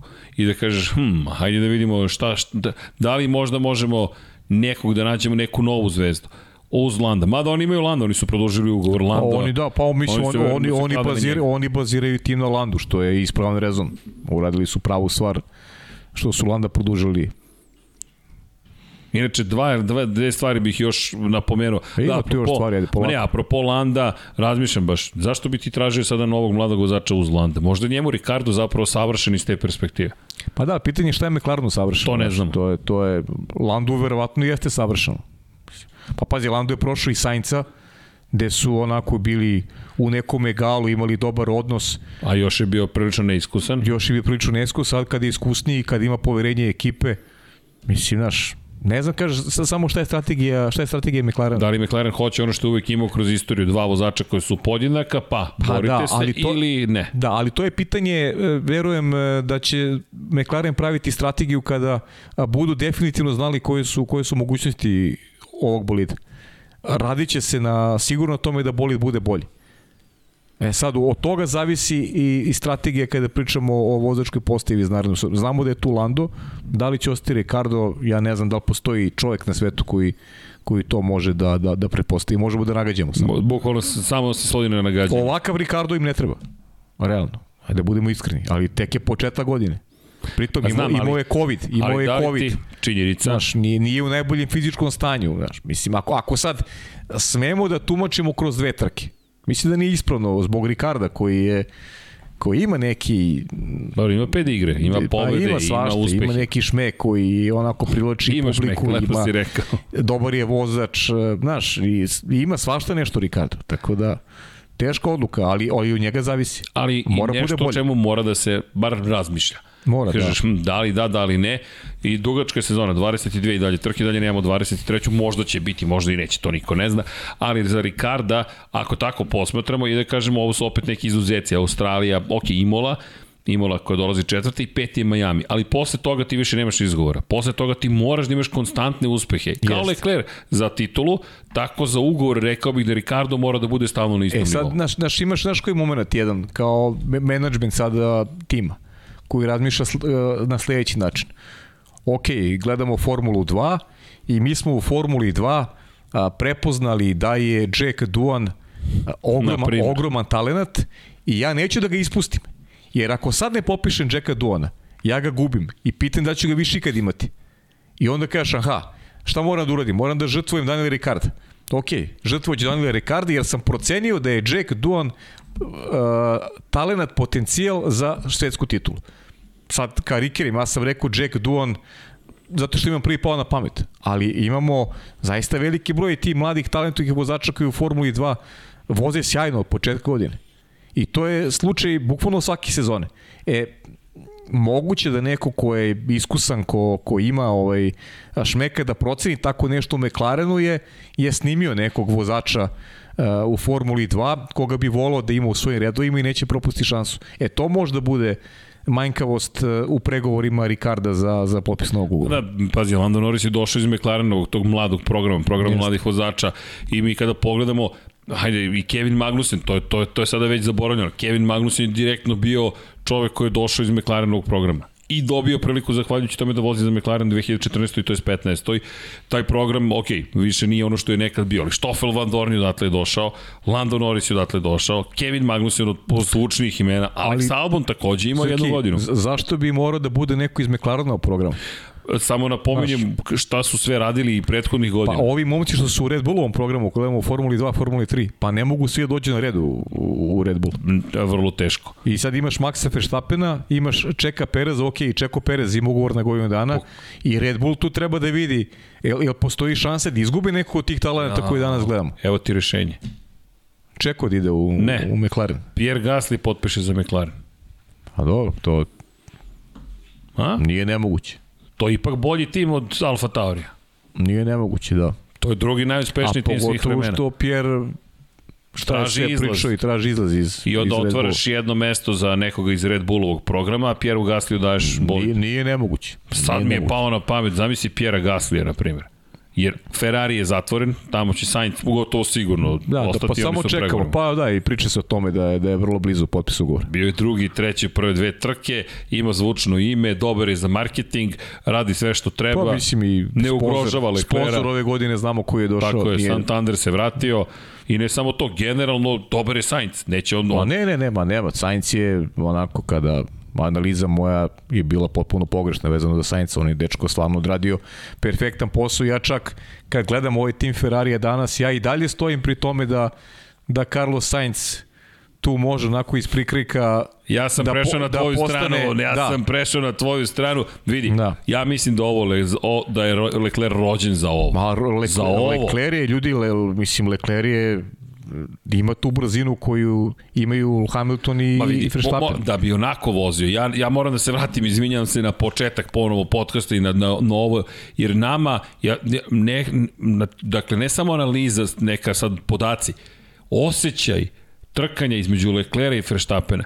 Mislim da, da bi samo, nadam se da će se uključiti i ostali, da će se i Lewis Hamilton pojaviti, i George Russell da će se uključiti u tu bitku kao upravo predstavnik te generacije. Sergio da će imati još ovakvih trka ja više, bez Ja više verujem u Landa, mora ti priznam od... Ali Lando nema bolid sad. Ne, za sada to je nema, problem. da. Da, dakle, nema. da ima bolid, Lando apsolutno. Ali samo iz te perspektive, mislim da bi bila velika šteta da se ovako ne nastavi kroz celu sezonu. Jer ovo su ti dueli. Drugo, ovako se gradi karakter ti sada gradiš karakter sa protiv Maxa Verstappena. Drugo, inače, rekao je Matija Binotto, šef Ferrarija, da taj pristup koji su imali u pripremi aerodinamicu u Red Bullu traži analizu i da su bili konzervativni u Ferrari. Oni su u petak već videli da mogu da smanje aerodinamički otpor, da mogu da povećaju maksimalnu brzinu, ali su rekli takođe da su očekivali veću potrošnju guma. I da odgovorim Mariju Vidoviću, koji nas i pita upravo za to. Inače, Mario pita da li smo videli kako Max skida foliju. Da, da, da, smo je, zaštitna folija. Pričali smo to je, Mario. Na fenomenalno. Da, posle pitanja. Da, da, ali ima još jedno pitanje. Da li mislimo da su tvrde gume bile previše tvrde? Inače, Pirelli za ovu trku pripremio C2, C3, C4. Dakle, u prvoj trci u Bahreinu smo imali C1, C2, C3. To su najtvrđe gume, ubedljivo. C1 je najtvrđa guma koju imamo na raspolaganju. I C2, C3, C4. Činilo se da su dovoljno mekše da će tražiti više stajanje. Ispostavilo se zapravo da je Pirelli doneo gume koje su previše tvrde. Da, znaš što je najviše falilo u ovoj trci? E, to da vidimo kroz strategiju kako bi to izgledalo sve. Nikola Latifi. Jer je, sam, jer je samo Čeko Perez menjao gume. ne, I postao, je... i postao tragična trke. A Neverovatno. Ostali su dobili gratis promenu i, i mislim, mi, mi to nismo videli do kraja tu stratešku borbu, da vidimo pa, znaš, Vanja, ako možemo šta, kako, bi, kako bi to izgledalo kroz šta samu trku. Pogledaj tragediju, u 15. krugu odlazi da menja gume i govorimo o vodećima, u tom momentu Nikola Latifi izlazi sa staze. Da nije, Latifi možda namerno to radio. e sad, ajmo. Hoćemo da, evo, neko izneo teoriju, i dalje teorije zavere. Latifi namerno to radi da bi Max Verstappen pobedio. Da. Ja se zaista izvinjavam, ali ako možemo da razbijemo tu... Čekaj, ti ozbiljan ili hoćeš to se ozbiljno izvinjavaš ili... Samo, samo kratko, da, da, da, da, samo kratko. Da li neko zaista veruje da u momentu kada Red Bullov vozač vodi, da se Red Bullu više isplati, da plati Nikola Latifiju, da udari u zid i razbije svoj Williams, da bi Max Verstappen dobio šansu da pretikče Charles Leclerc za pobedu, iako je bio već iza Leclerca i mogao da ga napadne za drugo mesto, onda bi Perez mogao da ga pusti. Ti si stvarno pričao o ovome, ja sam, ja sam, sam, ja sam ne. iznenađen, moram priznam. Ne, ne, morao sam, toliko je bilo pitanje Latifi, Latifi. Ljudi, pustite čoveka na miru, dovoljno me što je dva puta Kaki slopao Williams. I to je više nego dovoljno. On ima ozbiljnih problema čovjek. Ne, baš sad su već ozbiljni problemi, jer ovo je ogroman pritisak. Došao Alex Albon i pobeđujete od Ma, početka. lagano. I to bukvalno lagano, no. a pauzirao je celu jednu godinu. Mi, mi ne pričamo o Estebanu Okonu koji se vratio i onda morao protiv Landa, protiv, ne Landa, protiv Nanda, ja protiv mislim, Fernanda Lonsa. Ja da mislim Johnny Herbert da sedi, da sedi na te Williams da bi on bio brži ovaj sad. Ne, trenutno je Latifi baš u lošoj formi i ovo već postaje sada besmisleno. Da, Sin je velikog sponzora, ali a ljudi... A to je jedino što ga drži u Formu 1, Ajmo, prvo to. A, a, a, mogu da nađu i boljeg, evo ga Guanju Žou. Ali nije poenta, nije poenta sada u, u tome što je uradio Latifi, Latifi nego već to, što Perez mi... jedini promenio gume. Jedin, ono što mi nismo videli, to je šteta. Ne znamo. Znaš, koliko bi ostali na stazi, ko bi išao na promenu, da li bi neko profitirao kroz Na, ono što je pokazala šta što je pokazala možda, Formula 2. Tako je, šta su možda mogli Če... Hamilton i ostali. Pa da, ali, ali, ali Čeko Perez je povukao pravi potez. Jeste. A ako tumačimo trku Formule 2, ako ste gledali, ko je prvi menjao gume, taj je profitirao. I Čeko Perez je na osnovu toga po, po svim tim nekim parametrima trebao da profitira. Međutim, desio se Nikola Latifi. I onda je priča priča je otišla nekim da. drugim da. putem, tako je. Ali i tu je bilo zanimljivih momenata kada pričamo na primjer o, o, o, o, o ajde, nedozvoljenom preticanju Serhija Pereza, samo i da, da se dotaknemo i toga, da ne zaboravimo, Red Bull nije tražio od svog vozača da prepusti poziciju pre nego što je ponovo započeta trka, da bi zaštitio Maxa Verstappena od potencijalnog napada Carlos Sainz. I Sainz je rekao, da me pustio na vreme, možda sam mogao da, da napadnem i Maxa Verstappena, što bi da je uspeo, tek promenilo stvari. Ja mislim da ne bi uspeo kao što nije uspeo u Bahreinu, ali Tako to je samo mišljenje. Tako, Tako da, ja mislim. da mislim da tu ništa ni suštinski se nije promenilo, ali eto Red Bull je razmišljao i o tome. I moram priznati pohvale za direkciju trke sa izuzetkom trke Formule 2, gde su Denisa Haugera potpuno nepravedno kasnili. To je glupo, pričat ćemo kasnije, kasnije da. ali činjenica je da za sada dobar posao dođe, mada, mada i ovde je veliko pitanje što i virtualno vozilo bezbednosti u momentu kad imaš slupanog Latifija ne ideš odmah na vozilo bezbednosti. To mi se nije dopalo jer je bilo jasno da nema šanse samo za virtualno bravo, vozilo bezbednosti to, to, se to završi. To, bravo, to, to je ozbiljna stavka I to je moment kada... To profi... menja trku. Menja popuno trku, to je moment kada profitiraju i Leclerc, i Verstappen, i Carlos Sainz u odnosu na Čeka Perez. Jer ti u momentu znaš da ne postoji drugi način nego vozilo bezbednosti. Nema teorije. I, I onaj finiš trke je takođe teorije. bio... Ja sam očekio vozilo bezbednosti ono u finišu takođe. Ti imaš dva vozila koje su parkirane u ulazku pit lane. E, suludo je da dozvoriš trkanje. Moraš vozilo bezbednosti. Pri čemu ti kažnjavaš i vozače, konkretno ovoga puta je to bio Lewis Hamilton. Da nebitno, koji, ispoje Lewis, Lewis Hamilton, ali bilo mogo je da bude neko drugi. Ti dozvoljavaš zapravo da bude ugrožena bezbednost i da pod virtualnim vozilom bezbednosti tebi redari trče i guraju bolide. Ja. To na stazi koja je Jeste. toliko brza nije, nije, Nego, znaš šta je, dobili smo fantastičnu trku. Jesmo, i pa smo sve zaboravili. A, za, a ne zašto smo još zaboravili smo i zbog toga što je tek druga trka u sezoni, pa, pa naš ovi bodovi nemaju toliko na značaju, nego prosto... To jest, ne vidi se koliko trk... imaju na značaju. Ne vidi se koliko, vidit će se, možda ćemo se ovoga setiti kad budemo analizirali na 2022. Da. Kao što smo pričali i, i u 2021. Pa e, o Baku, trka. recimo. Naravno, o Baku smo pričali u finišu godine. Velik. A da. Velik, ogroman, ali ono što je takođe fascinantno, ne samo to što je Latifi koji u Abu Dhabiju prošle godine imao sličan incident, pa sad odjednom kad vidiš Latifi u zidu kažeš, o ne, neko će, da, neko će u ovoj cijeloj priči da, da, da, da izgubi, ali ono što je najvažnije nije bio povređen. Međutim, 35. i 36. krug. Alonso odustaje, Ricardo odustaje, Valtteri Bottas odustaje i to je upravo što ti govoriš.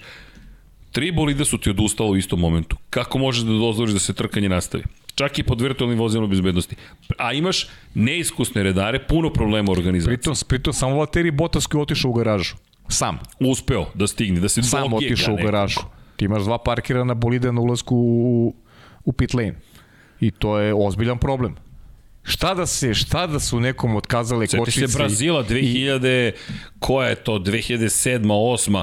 ili 6. možda sa Jagorom, tamo Mark Weber i Fernando Alonso, opšta ludnica je nastala, tad nije postojalo virtualno vozilo pa da, ti, ti, to je na ulazu ti virtualno, ti ne virtualno, ti mora smanjiš brzinu ali to te ali to može opet mogu da ti otkažu kočice možda imaš neki kvar pošto se dogodi nešto što će da te nepredviđeno nepredviđeno što će da te a imaš ljude koji da guraju bolide tako je Mislim, ne znaš, dobar potez. Ne, ne, ne, nikako nije dobar potez. To je nešto što smo, onako gledali smo se tja u prenosu, ali opet kažem, neke stvari kao što nisam teo da pričam za Maksa u sred prenosa. ne, prosto jer, ti ne dozvoljavaju. Znaš, zato što A zamisli. Gledaš trku, znaš, imamo prostor kao možemo da širimo analizu. Da, ali vidi, ali, ali da su tada još uveli sve vozače ili rekli mora vozilo bezbednosti. Zatvoren je ulaz u pit lane, ide vozilo bezbednosti, pa se otvara pit lane i imaš šansu da rizikuješ.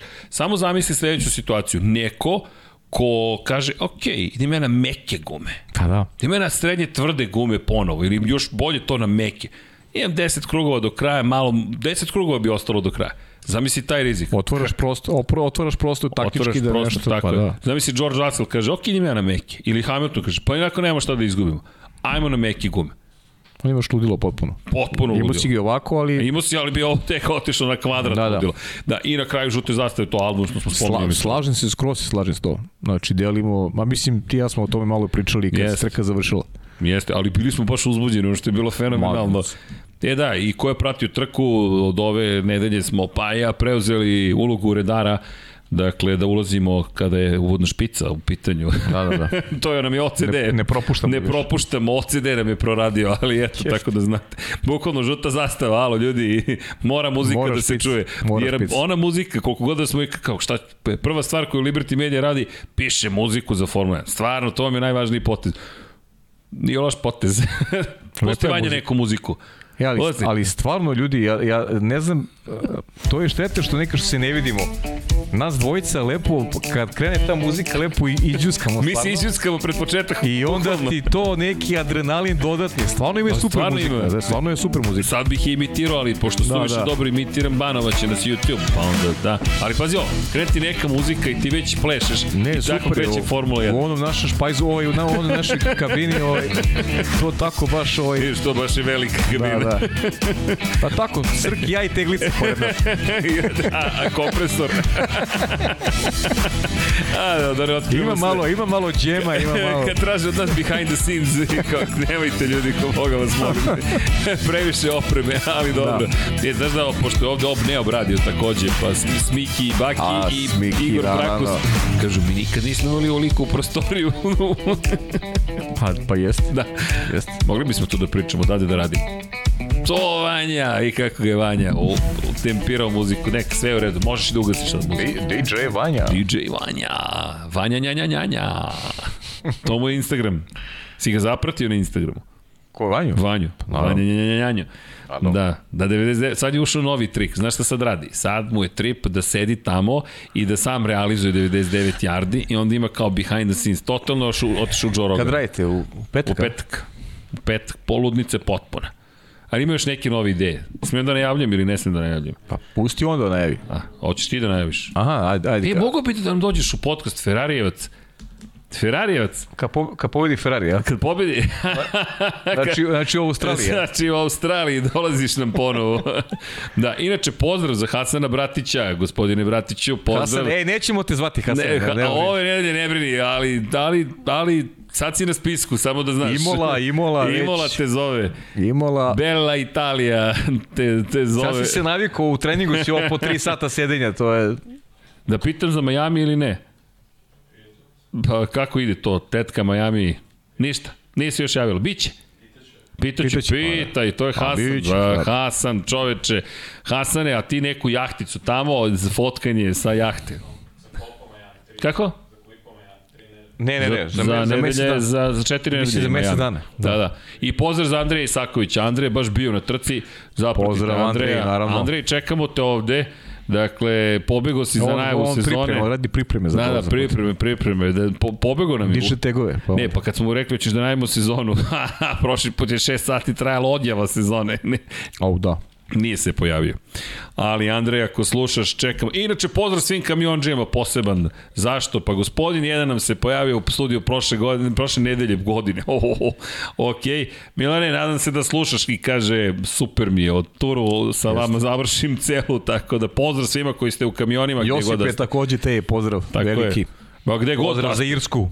Pozdrav za celu planetu Zemlju, gde god da vozite ljudi, ili da ne vozite, samo sedite, blejte i to je nama dovoljno. Udrite like, čekaj, pa ne, pa udrite subscribe, pa molim vas. I inače imamo, Nik, e, čekaj, Niksi nam se, Jel ta, Bojan Gitarić, 500 dinara, pozdrav ekipu, misle će Lekter tek da pokaže. Evo ga Hasan, pozdrav Hasan. momci od gora. O, tak, pa Hasan. Ako je Hasan, je tak. pozdrav veliki utorkom u 9 Zna se gde je Ne idem u krevet. Dakle, pozdrav za ekipu, misleće Leclerc tek da pokaže zube. Sa druge strane, Max ide do krajnje granice kada remeti vozače koji predaju koloni za safety car malo tu preteruje. Bo, ali to je ono što si ti pričao, Max će ići na, na to, to je ono što je radio, da, na, da agresivniji od Leclerca. I sad, da će to biti dobro ili ne, ne znam. Inače... Ma ljudi, mislim, Max je, Max je već dokazan vode nešto se kaže šampion čovjek. I bit će teško protiv njega igrati na duže staze.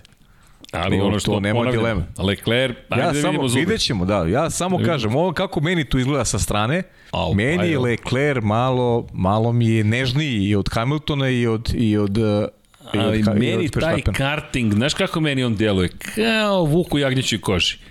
Sve jao, jao, fino, fino, fino, fino, fino, ali kad bude potrebno, mislim da će znati da, da kaže stop. Ali ajde vidimo. Pazi, Svi mu, svi mu želimo da, da, da ovo bude standard i da ovo traje cele godine. Inače, kada spomenjamo, malo pre si spomenuo Imulu, zamisli ludnicu u Italiji za te, ovu trku koju Ferrari može da pobedi. Srđene je veći ludnica u Imoli. Pa znaš da smo sad za vik da smo ti ja gledali za, za, za mog prijatelja nešto da... Je li uspeo?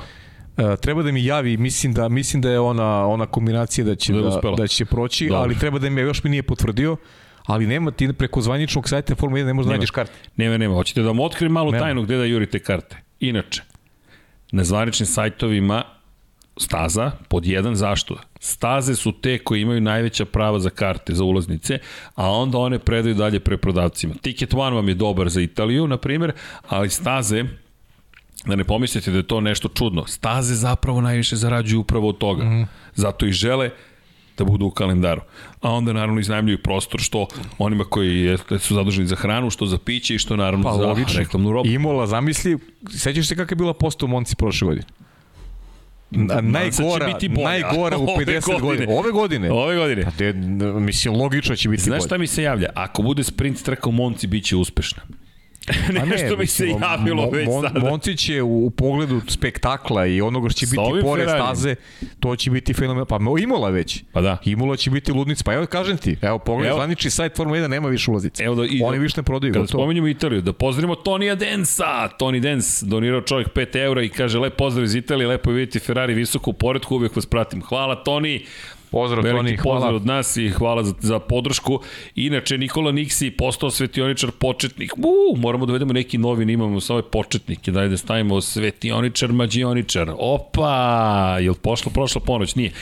Inače, samo da spomenemo, Muju Ramiću se nismo zahvalili. Pozdrav iz Graca od McLarenovca. Tu smo došli 10 evra. Pozdrav, Grac. Pozdrav, pozdrav Mujo. Mujo. Veliki pozdrav Zoran Cimeša. No, i, uh, to ovo su krune, je li tako, norveške? 50 norveških kruna. Ništa nije pitao čovek samo da se javi, evo mi samo da se javimo. Veliki pozdrav. Da, zaista veliki pozdrav. I vraćamo se naravno nazad mi na stazu. I ovo što smo sada pričali, zaista mnogo, mnogo, mnogo, mnogo, mnogo dešavanja i, i nikako da dođemo do Luisa Hamiltona. Da, pa jo. možda svesno ga ostavljamo za Pa ne nužno kraj. kraj, ali za pred e, kraj, za pred kraj svakako. Da, za pred kraj. 16. startna pozicija, peh u trci da u momentu kada bi mogao da odradi stajanje je gužva, zatvoren pitlane, mada mu je rekao inženjer da može da uđe, ali je tako bio postavljen bolid i da nije hteo da rizikuje to, jer to je prelaz preko duple pune linije praktično. Mm. Ti moraš preko ostrava da pređeš da uđeš u pitlane i on je rekao prekasno. I odustao i posle je bio zatvoren ulaz u pitlane. Znaš kako, ovaj, najveći, najveći utisak eh, su mi kvalifikacije. Znaš, da Lewis Hamilton ne uđe u, u Q2 to je nešto što pritom ne znam ko je, ne, ne, neko, neko nije bio, neko je već otpao ranije, znači ti bez jednog konkurenta praktično ti, ti nisi ovaj, ušao u Q2. Sad se zaboravio šta je bilo u, u, u Q1. U Q1, čekaj, čekaj, čekaj, čekaj, ko nam je... Nema veze, ajde, ajde pri, pričamo u Luisu. Uh, uh, ok, drugačiji setup, drugačije podešavanje njegovo je Russellov, ali, ali opet Naš, ne, Juki ne, Tsunoda. Juki Tsunoda. Juki, Juki, Juki je odustao. E, da, znam da smo pričali u prenosu, da je Juki bio Pa Luis ne bi imao Sigurno ne nikakve bi. šanse. Da. Ne bismo ni pričali o toj nekoj drami koja se javila u finišu, da će biti 15 ili neće. Ne bi bio ni blizu da, da je Juki vozio kvalifikacije. Strašno, 16. Je mesto, to je... Katastrofa. Bukvalno katastrofa. Katastrofa, baš Mercedes koji je apsolutno promašio temu i Znaš, mi sad pričamo, meni, meni je ovo veći poraz nego ono što je, što je imao McLaren tokom prvog vikenda. Veći. Jer ovo je sedmostruki šampion, ovo je Mercedes koji je bio dominantna ekipa toliko godina za redom, da, da ti baš e, toliko promašiš temu, to je nešto što niko nije očekivao. Inače, rekao je Hamilton po završetku kvalifikacije, zapravo ne po završetku kvalifikacije. Pred trku, Natali Pinkam inače obavlja intervjue kada su na kamionu koji kruži stazom i baš pre početka trke ga je pitala, ti ja često sedimo u kabini i slušamo šta se događa, kad možemo, u, kad da. možemo da, u pripremi. I pitala ga je rekao, ja sam izabrao podešavanja bolida koja su nas odvore na pogrešan put. Međutim, nije to tako jednostavno. U treningu broj 3, taj smer promene podešavanja bolida je doneo u napređenje u brzini I verovao je Hamilton da samo treba da nastavi tim putem. Šta to govori? Mi prethodnih godina smo često slušali kako Mercedes ima takozvanu, takozvani bolid primadonu, gde je teško naći idealno podešavanje. Ali prednost Mercedesa je bila tolika da taj problem nije dolazio toliko do izražaja. Ove godine nemojte se iznenaditi ukoliko se budu ponavljale ovakve stvari. Ne nužno Q1, ali mučenje da se uđe u Q3 ovih prvih nekoliko trka. To ne znači da će Mercedes odustati. To će, ja mislim, kratko trajati. Taj novi pod koji pripremaju već za Australiju možda će poništiti efekat poskakivanja, gde veruju da imaju zaista mnogo brzine. E sad, nije tako jednostavno. Oni bokovi uski, koji postoje kod Mercedesa, navodno oni sami su deo problema i prouzrokuju upravo u velikoj meri pojačavanje efekta poskakivanja. Tako da, kada eliminišu jedan problem, to je klasična stalno o optimizaciji, preći će na sledeću stvar. Vidjet ćemo da li će eliminisati u Australiji, ali čak i tada ovo nije bolid koji djeluje da je za dominaciju, da može da se meri sa Ferrarijem ili sa Red Bullom. Tako da Mercedes ove godine može imati mnogo veće probleme upravo zahvaljujući tome. Ako malo promaše podešavanje, gube bitke. A bitke su vrlo ozbiljne. Alfa Romeo preozbiljan, da, odustaje od Belteri Bottas, ali opet pa je 100, e, čekaj, vratit ćemo se na Hamilton, 103. put za redom. 103 trke za redom, Valtteri Bottas je u Q3 delu kvalifikacija. 101 sa Mercedesom uzastopno i dva puta sa Alfa Romeo.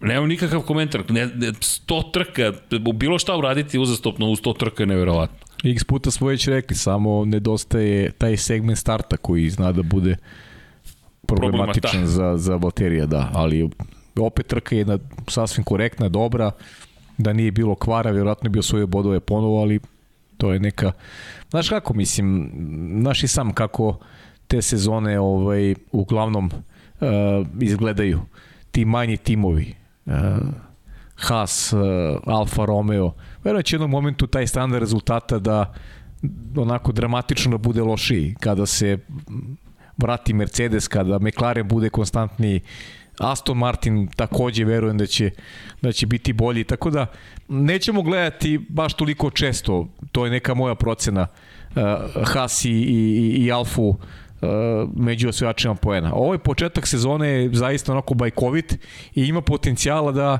da to traje još neko izvesno vreme, ali od Barcelone ne bih se baš tako često mislim da kladio. se vraćamo ka da, da, ne bih redovnom se, poreku. Pa mislim, mislim da ćemo se polako vratiti. Pa da. da. I treba da iskoriste ovaj, ovaj, ovaj moment u kome se sada nalaze kako bi eto negde učvrstili svoje pozicije i pomogli sebi da da i u budućnosti budu konkurentni koliko to mogu. Da, kada je, upravo kada je reč o tome, ajde da iskoristimo priliku, inače evo Petar Nujić donirao 10 evra, hvala, pozdravi Milice, naša, naša dama ne, koja pa, je prevela, ček, čim, ček. Čim smo, čim smo ček, završili priču sa Ferrarijem, tu, oni odlaze. Na, završili smo s Ferrarijem, pa, da. pa ne znaju šta smo još spremili za nas tako. Kimi Raikkonen, neotkriveni Kimi Raikkonen, možete da kupite prevedenu autobiografiju, ne autobiografiju, biografiju Kimi Raikkonen koja je prevela naša Milica Očigrija.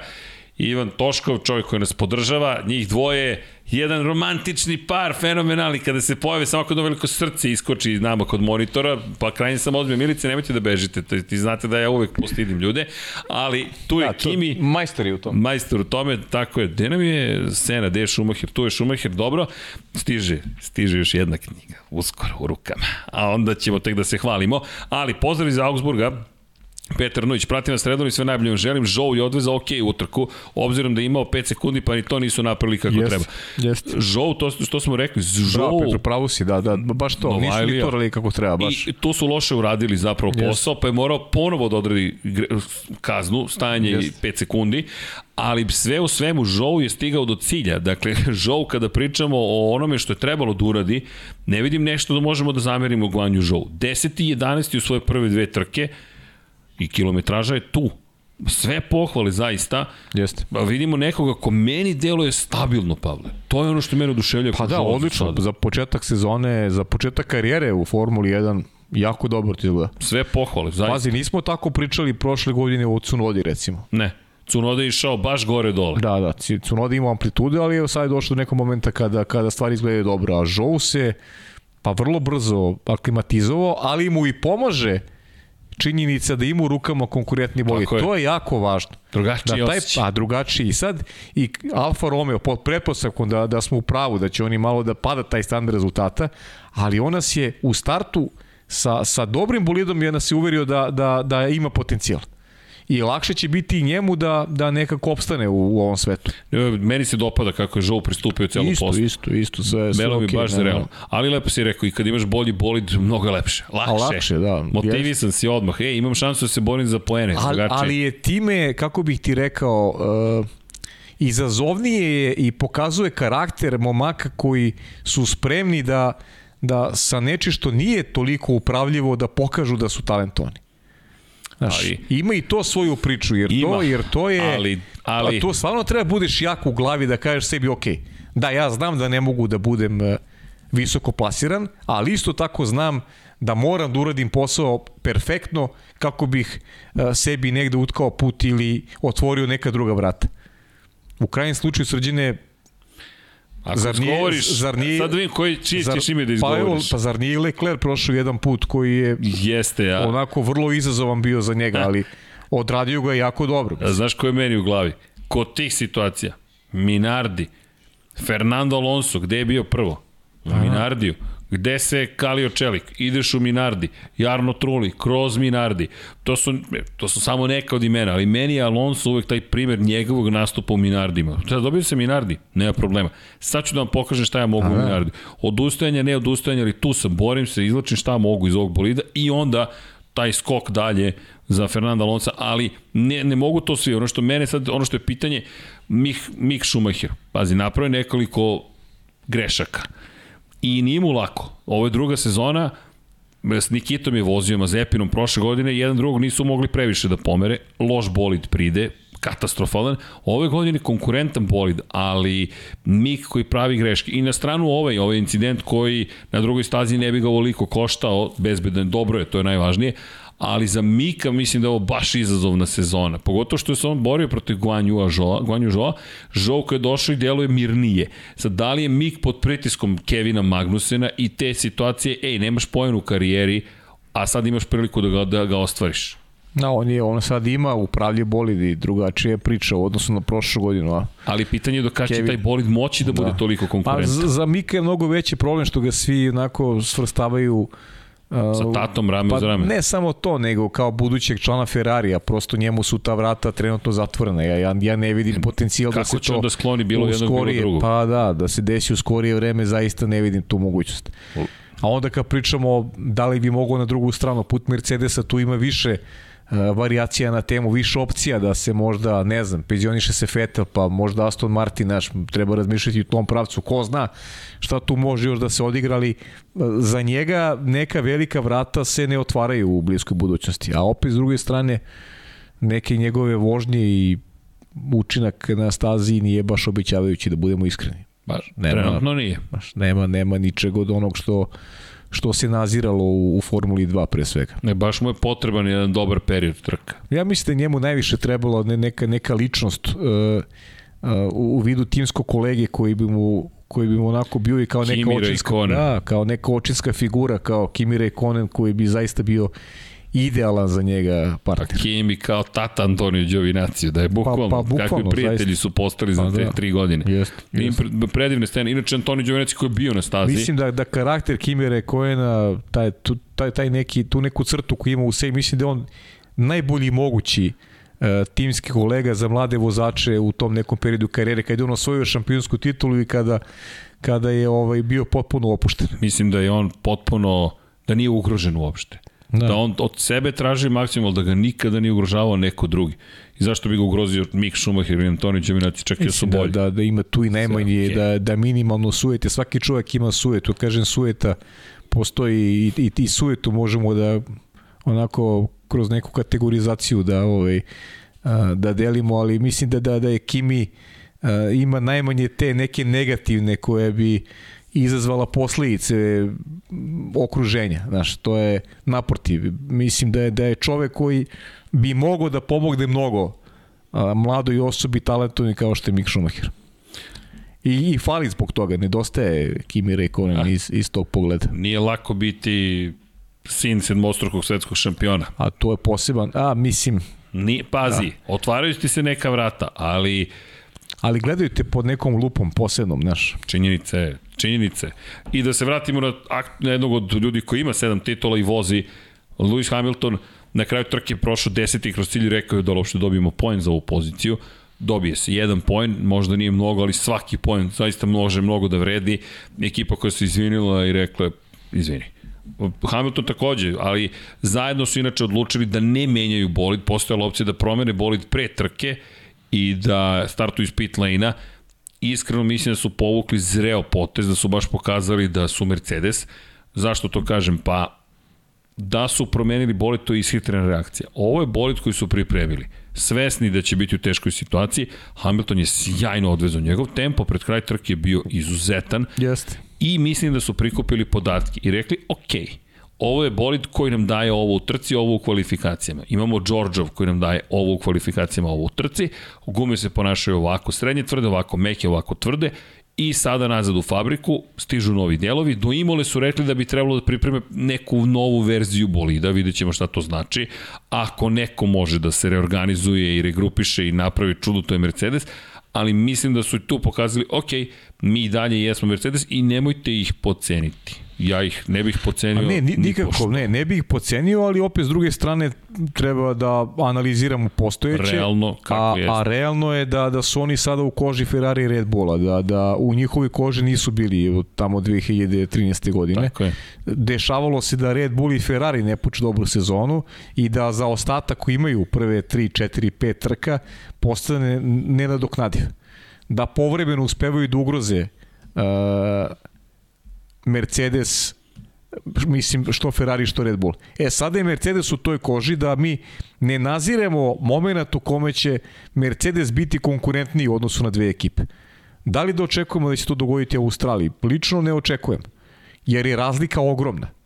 Treba vreme da, da napraviš nešto što bi uspelo dva tima koje su vrlo dominantno u odnosu od Nemački, da, ga, da bi ti počeo da ga ugrožavaš. I Mercedes kada proradi, a, a svi verujemo da hoće, Da li će srđene to biti moment kada će Mercedes moći da nadoknadi deficit koji će imati u odnosu na dva vodeće Mislim tima? da neće moći. E, to, to je, je moje mišljenje. E, I da ti kažem nešto, ja, ja verujem da će Mercedes se boriti za titulu, verujem, ali to su neke iskustva iz prošlih godina. Znaš A da li je to objektivno što ja to verujem? Mislim da nije. Znaš gde mislim da oni mogu da traže... To je moja vera, a objektivno, objektivno se slažem s tobom. Znaš gde mislim da mogu da traže najveću šansu? U pouzdanosti. I Ferrarija, ne samo Ferrarija, svih ostalih. Jer, Pavle, to je nešto što nekako kao da izmiče analizi, ali ko sve nije završio trku? Nikola Latifi, zid. Daniel Ricardo, odustajanje. Alex Albon, incident. Niko Hulkenberg završio 12. Lance Stroll, incident. Schumacher nije vozio, incident. No. Da.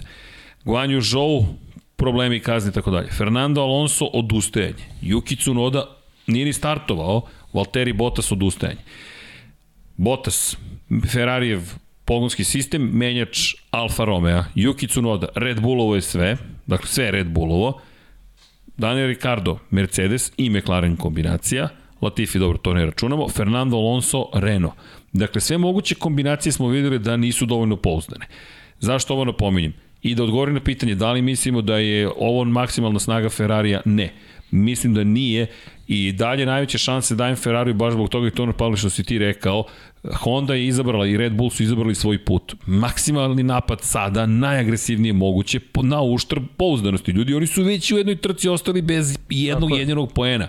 I inače, ona priča o tome da je to problem sa zapravo pumpom za ulje ispostavilo se ne nužno. Ono što je zanimljivo na f1.com je bila super analiza Tech Tuesday, utorkom takođe možete da pogledate nove informacije o tehnici iz Formule 1 su pričali o tome da koliko znaju šta nije uradio Red Bull u predsezoni. Nije uradio takozvani test praznog rezervoara. Šta to znači? Tokom predsezone vozite jedan izlazak posvećen tome da potrošite svo gorivo u bolidu dok bolid nestane. Zašto? Da biste videli kako će se ponašati i sa malom količinom goriva i kada ostane bez goriva. Desilo se da je pred kraj same trke došlo do kavitacije, čini se govori, to se događa, prosto to je jedan od problema s kojima se suočavaju inženjeri u automoto industriji i to je dovelo do pojave vakuma zapravo u cevima, to jest u, u sistemu za dovod goriva. E sad, Da li je Red Bull rešio sve probleme? Nemamo pojma. Zašto? Imali smo mnogo perioda i za vozila bezbednosti i za virtualnog vozila bezbednosti. Što znači šta? Nisu potrošili svo gorivo. I čak i na kraju verujem, inače mislim da su ti i periodi virtualnog vozila bezbednosti i vozila bezbednosti nam dali ovu trku na kraju de facto kvalifikacijonu, jer su i gume i gorivo bili u mnogo boljem stanju nego što bi inače bili. Što je opet još jedna šteta tog Latifijevog incidenta pa i tih ajde kažemo kvarova.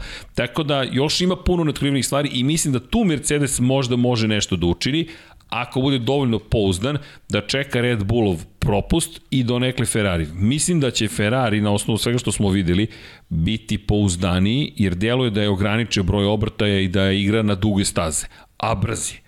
Ali to je samo dve trke. Da, Raste da. količina podataka, ali još uvijek nije dovoljna. Tako da mislim da tu Mercedes, jer ne, na šta ne vidim? Ne vidim da će Mercedes sada od ovog nivoa jednom skočiti preko ne, Ferrarija. Ali to, to je nemoguće. To, to, upravo to mi. To, to, to je to. zaista nemoguće. Lepo si rekao, duga je sezona i i, i mi ge, generalno na Mercedes gledamo iz tog perioda, mislim, gledamo na, na tu dominaciju koju su imali, da su uvek pronalazili kvalitetna rešenja u svim mogućim uslovima. Sad to nisu uradili, e, dakle, jedna je stvar vera, a drugo je ono što je neka realna procena. Realna procena na osnovu e, deficita koji imaju, na osnovu zaostatka koji imaju po krugu odnosno rivale, da se suštinski stvari neće skoro promeniti. I tu mogu Ferrari Red Bull da steknu ključnu prednost, kao što je Mercedes e, godinama to uspevao protiv konkurenata da odmah na otvaranju sezone napravi razliku koju mu daje uh, jedan uh, onako miran nastavak sezone. Tako izgleda iz ove tako izgleda, e, sad, tako je. Kako, šta će nam doneti praksa, to tako, da, vidjet ćemo, da. Ne, ne znamo, ali eto, to su neke stvari koje polako počinjemo da zaključujemo ili makar mislimo da su to stvari koje mogu da, da, se, da se desi do kraja pa sezone. Svaka nova trka, svaki, svaki novi uzorak svima nam omogućuje da, da onako proširimo neka, neka svoje znanja, saznanja i e, percepciju onoga što što možemo da očekujemo u nastavku godine. E, prosto djeluje... Australija prvi sledeći primer je. Meni deluje zaista da, da će ovde biti igranki na izdržljivost. Manje, mogućno, manje menjača, imamo veće probleme na samom početku sezone. Potpuno je sve novo. Koliko samo lepljive trake smo videli samo ova tri dana u Saudijskoj Arabiji. Neko da. se našavio NASCAR, bukvalno kao jest, NASCAR. Jest. Malo, malo vidiš da je neko oblepio pod, da je neko oblepio oplatu, da je neko oblepio neki drugi, treći deo bolida. Zaista izgleda ne svakidašnje za jednu formulu, ali to je lepota promjene kompletnog pravilnika u jedne nove ere i eto, vidjet ćemo ko će se tu najbolje snaći. I još jedna stvar, rad mehaničara koliko je to bilo važno. Opet, vraćamo se polako na to. Delić sekunde za ostatka. A vraćamo se nekim osnovama Formula 1. Pravom trkanju, u svakom ja. smislu te reči. I naravno da podsjetimo još jednom ta priča o ko prvi menja gume, pošto su grejači gume ove godine temperatura grejača gume je smanjena sa 100 stepeni Celzijusa na 70, hladnije gume. Inače, nekada davno u Champ Caru ili to je bilo u kart šampionatu pre 20 godina, uopšte nije bilo grejača guma. Znate ko je bio car hladnih guma? Juan Pablo Montoya. Montoya je većinu svojih pobeda praktično ostvarivao tako što bi posle promene guma jedini mogao da zadrži tempo na hladnim pneumaticima. Nestvarna veština Kolumbijca. Nestvarna. I sad, to bi meni isto zanimljivo, da vidimo mi ko, će, ko tu može bolje, ko tu šta može da uči. U Formuli 2, koliko su grešili na izlasku iz, iz, iz pit lane-a. Pa dobro, ali Formuli 2 inače, kad ono, posle promene guma, uvek treba Haos. jedan, jedan krug treba da se, da se zagrije u pneumatici i tu se mnogo gubi, tako da... Ali si upravo, da, i nizlasku iz pit lane Denis Haugera za malo da se slupa. Da završi u zidu. A, da. E da i nismo čestitali DC-u Davidu Coulthard do 51. rođendan. Da, čestitke. Da, bio je baš na dan trke. Nekako smo propustili, pa, nije da. da baš pamtimo rođendan, ne. Pa dobro, da, ali, Ni svoje. ali nekad, nekad, ovaj, nekad se i setimo. Da, da ponekad, ponekad se setimo, ali dobro, to čestitke. Da, i da podsjetimo, nemojte zaboraviti, David Coulthard nam stiže 17. septembra u Beograd. Showrun Red Bull organizuje. To će tek biti ispod. Danas pričam sa prijateljicom, kaže, kaže pa Formula 1 u, u I pita me, hoće to biti uzbudljiv događaj, će se skupiti ljudi za to? Kako misliš da li će se skupiti ljudi za to? Ne razumem. Pa kao Formula 1 stiže. Ne razumem, pa stiže Formula 1, Slušaj, David kažem, skup, će da vozi. Skupit će se samo od ovih ljudi koji su nam pisali ovaj, od, od momenta kad se saznalo, pa, pa će ovaj, znači, biti doći puno. dosta ljudi, pa ljudi, mi vas pozivamo, bit ćemo biti tu, na ulici ćemo biti, jer to se ne propušta. Zaista se ne propušta. Biće onih koji vole, koji obožavaju, Biće onih koji vole da poziraju, u svakom slučaju će biti, biće puno sveta. ja lično želim ovima koji vole da uvek da budu u prvim redovima i da mogu to da vide na najbolji mogući e da, način. I rekli smo, ne, ne I, možemo... I ako možemo da utičemo, potrudit ćemo se kogod možemo da te, da vas koji volite, Zaista. da nekako, da imate priliku da to vidite iz najboljih mogućih pozicija. Ne, koliko, se, koliko mi možemo da utičemo. Nema baš veze u gradskoj vladi, ali nemamo, ćemo se da. potruditi da jedan ćoše onako odvojimo. Vanja, Dom pa, možda upoznati Dom Pabla, napravimo ćošak Lab pa 76, ne, za, ovo, pa za ljude skupimo. koji, za koje se zna da, da su i vrstni poznavaoci i da vole Formulu 1, da ne bude, da ne dominiraju pozeri. Da dobro, bit će ih. Pa biće ih sigurno, to, to je neizbježno. da, inače, evo pitanje da li se zna šta je s Montojem. Montoya se priprema sa sinom zapravo, on čovjek 24 časa Alemana juri. Za one koje eventualno ne znaju šta nedostaje Juan Pablo Montoy za onu čuvenu krunu automoto sporta, U, na 500 milija Indianapolisa slavio dva put, slavio jednom u, na velikoj nagradi Monte Carlo u Formuli 1 i još ako pobedi u generalnom plasmanu 24 časa Lemana, prvi čovek od Grema Hilla, dvostrukog šampiona Formula 1 i oca Damona Hilla i još jednog šampiona sveta, će postati koju zabeleže takav uspeh i eto. Pa ajde da vidimo da li će uspeti u tome Juan Pablo Montoya. Inače, kome još nedostaje jedna stvar, a to je prinos na 500 milija Indianapolisa Fernando Alonso. Ali verimo posla je, verimo posla ove karijere vozača Formule 1, kada god da se završi drugi put, da će Alonso ponovo preko velike bare u tim, pa možda opet McLarena, vidjet ćemo. Da, i da odgovorim pitanje zašto često ne vozi Ferrari u osmom stepenu prenosa. Iskreno, imamo neke ideje, ali ne znamo 100%. Nadam se da ćemo naći konkretni odgovor. Naša razmišljanja su trostruka. Dakle, prva stvar, stepene prenosa podešavate pred početak sezone. Moram da pročitam novi tehnički pravilnik da i sportski, da li se to promenilo. Ranije ste morali pre početka sezone, još prošle godine, da odredite odnose stepena prenosa pred sezonu i niste imali pravo da ih menjate. Dakle, nije mogućnosti pre trku da se promeni. Šta to govori? Moguće da je Ferrari tako postavio stepene prenosa da će na nekim drugim stazama to doći do izražaja. Inače, mogli ste da vidite, čak i Hamilton povremeno nije prebacivao u osmi stepen prenosa, mada se to promenilo u jednom momentu kada se čini da su rekli, ok, sad moramo punom brzinom. Dakle, prva teorija da se Ferrari priprema za možda Moncu, mada ovo je na nivou Monca, ako ćete negde biti, biti u osmom stepenu prenosa, to je Saudijska Arabija, tako da ta teorija je onako mršava. Druga teorija je da su štedili gorivo u tim situacijama, to je testirali kako će da bude potro, kako će da bude potrošnja u zapravo u tom momentu kada su u osmom stepenu prenosa ili u sedmom pri maksimalnom broju obrtaja, što je malo problem, prebacite u osmi stepen prenosa, trošit ćete manje goriva. I dolazimo do treće koje je najverovatnije, a to je zapravo čuvanje motora. I malo je to čudno, pošto često su bili pri visokim brojevima obrtaja, tako da deluje da je limiter tu negde na 12.000 i da nisu zabrinuti za sve što se događa do 12.000 obrtaja sa motorom sa unutrašnjim sagorevanjem ali to su za sada teorije, spekulacije što bi se reklo i čekamo da vidimo. Čekamo zaista da vidimo da li će se to desiti. Mi se iskreno nadamo da ćemo saznati nešto više. Inače, u Australiji, pričat ćemo, nećemo sada pričati previše, u Australiji to ćemo najaviti sledeće nedelje. 3 DRS zone, ali postoji jedna velika razlika.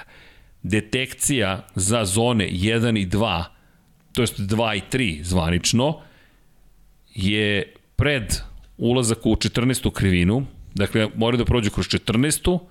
15. 16. na startno ciljni pravac i tu mogu da koriste DRS, pa zatim kroz prvu i drugu i opet koriste DRS. Gde je problem? Ako neko pretekne u prvoj krivini, on i dalje ima prednost korišćenja DRS-a i može lakše da pobegne. Dakle, nema igara kao što smo ih imali u Bahreinu ili Saudijskoj Arabiji ali to ćemo najavljivati sledeće nedelje, samo da napomenu da ćemo tu imati malo drugačiju situaciju. Eto, posle tri godine se vraćamo u Australiju, pa ćemo da vidimo. Pa ćemo da vidimo. A da, a i ovo mu je F1, više goriva se troši kada voziš u manjoj brzini pri visokim brojima obrtaja, pa to, to smo upravo i rekli. Dakle, negde ta teorija mi ne drži vodu, jer prosto ste na većem broju obrtaja, tako da mi se žele kao da prosto jednostavno žele da štede svoje agregate jer treba izdržati do kraja sezone. Bukvalno treba izdržati do kraja sezone, a da pokušate da ne menjate motor nijednom. Jer setite se prošle godine, i Verstappen i Hamilton su morali da menjaju motore tokom godine, pred kraj sezone, i to, tu se postavilo veliko pitanje šta će se desiti. Ja verujem da će ove godine biti ista priča. Da. Da se tu neće nešto promeniti dramatično u Čekamo. sve to čuvanje, da. Čekamo. Potom, potom. Čekamo, ali da, Mercedes ima svoj plan. Inače, Mercedes koji je, kažem, rekao da je plan prvo pod. Da li si spremio reći za spavanje? Pitanje. Pa mi smo pa, spremne pa, dobro, ali, za znaš, Australiju. U principu, Australija samo Formula 1, nemamo ove pratiti serije, tako da. Ja se radujem, zaista. Pa, ja moram ti priznam ne da se radujem, nego jedva čekam radujem i prvo ti kažem da vidimo ponovo radujem, odlazak. Radujem i termini, iskreno, takođe. Da, inače, tražim, evo ovako, pa je, Mercedesov plan. Ovo nije pouzdan izvor, ali novi pod u Australiji, zatim bolid koji ima to je druga, drugi, druga etapa razvoja je u Imoli, kompletan novi paket bolida u Barceloni kao što smo najavili. I ono što im je cilj jeste da nadoknade taj zaostatak, ali mi baš ne vidimo da će se to desiti. Inače da, bilo je izmena same staze za Australiju, ali kažem to ćemo najaviti sledeće. Stvarno, da ne pričamo o Australiji, imamo... Šta će pričamo sledeće nedelje? Da, inače, evo, ovde dosta diskusije sada to, o, o tom motoru, o motoru zapravo Ferrarija ne znamo, ljudi, nemaju još uvijek podatke iz Saudijske Arabije, inače pozdrav za Aleksu Vuče još jednom, s obzirom činjenicu da čovjek zaista učinio sve što može da nam učini prosto još boljim komentarisanje i naravno sam podcast, ali kada skupimo podatke sledeće nedelje ćemo malo više da se raspitamo da saznamo šta se tu događa. Čekaj, smo, i smo sve onako prošli kada je trku u pitanju, a ne mogu setiti pa, da li... Ne znam da li smo nekog propustili. Mislim, mislim da nismo Aston ništa. Martin, samo da konstatujemo da Aston Martin i Williams su timovi koji još uvek nemaju nijedan jedini poen. Pa dobro, Aston Martin to negde sam i rekao. Čekamo. Pa Fetela. čekamo Fetela, da. Čekamo Fetela i Niko Hulkenberg uz dužno poštovanje, svi smo onako, volimo Nika, ali nije to znaš, to. Nije to to. Realno nije to to, tako da Vettel od Australije pa da vidimo šta se dešava. Opet s druge strane Stroll nije to čak bilo ni toliko loša trka. Videli smo ga nekim duelima Vidjet ćemo, kažem. Treba malo vremena, treba da. malo vremena. Očigledno su problemi svi korisnici Racing Pointa? Pa, bukvalno. Uvek ista strpljenje. priča. U, ali da, uvek je bilo. Uvek ista priča. Pa i u vreme Force Indije isto. U krug to ide. I u vreme Force Indije uvek je taj početak sezone bio onako pomalo spor, pa je to onda im onako uzimalo, uzimalo maha, imalo neki, neki svoj dobar tok s vremenom. Tako da, samo pa- strpljenje. A za Williams... Slušaj, ovo, izvini. Malo teže priča. 2016. godina. Force India 7. 13. 15. 16. 11. 15. 9. odustajanje, 7. odustajanje i onda kreće 3. 6. 10. 8. 3. 9 dvostruko odustanje 6. 7. 10. 11. 10. 7. 5. 4. itd. itd. stalno u poenima, četvrti u šampionatu konstruktora. 2017. od početka su bili zaista fenomenalni. Ako se vratimo u 2015. kada je Force India bio peti tim u šampionatu, 10. 7. pa onda 13. 14. 11. odustanje, 8. 13. Pa da, 13. Pa da. 15. Uglavnom to, to preslikano. Bio. Jeste. Bukvalno preslikano. Da, mnogo toga se promenilo, ali suštinski vratimo se u vreme Force Indije i dobijemo manje više istu situaciju. Jeste. Bukvalno istu situaciju. Williams da... je malo teži jer imaju imaju, ja tamo ne imaju napada. Latifija koji ovaj ne može da, da tu pomogne previše, a Albon s druge strane Ne vidim ja da, ne vidim ja. Iskreno žao mi, žao mi je što, žao mi je što što je završeno to sa Russellom. Opet s druge strane za Russella naravno bolje što u Mercedesu nego dosta u Williamsu, ali to je prokletstvo kogoda da to zvuči onako ne znam, rogobatno, ali proklesto manjih ekipa. Nažalost, Williams jeste trenutno u kategoriji tih manjih ekipa. Kada eto, analiziramo prethodnu dekadu, nisu ni blizu povratka. Da, svi verujemo u te ljude koji vode ekipu, ali i pričaju za prošle godine, kako su i oni. E, to su te alibi priče koje, koje sam navio s početka sezone. Nema ih više. Ne znam, čuvamo resurse, pripremamo za 2022. godinu, to je sve palo u vodu. Ovo je ogledalo onoga što si radio prethodnih, prethodnih godinu, u stvari prethodne dve godine. Ne zaboravimo da su mi sa novim pravilima trebali startujemo u 2021. Ali da je cijela priča pomerena zbog covid -a. Pa jest. Dakle, nekle pripreme su krenule mnogo ranije nego što je to slučaj sa 2021. Pa, evo.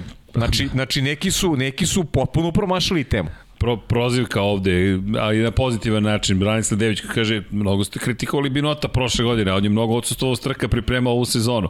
Jeste, mislim, Deluje da je tako. Sporno. I zato ga i hvalimo toliko ove, ove godine. Ajmo da kažemo, dakle, moramo da kažemo svaka čast Matija Binotu. Zaista, svaka čast. Pa nema, mislim, znaš kako,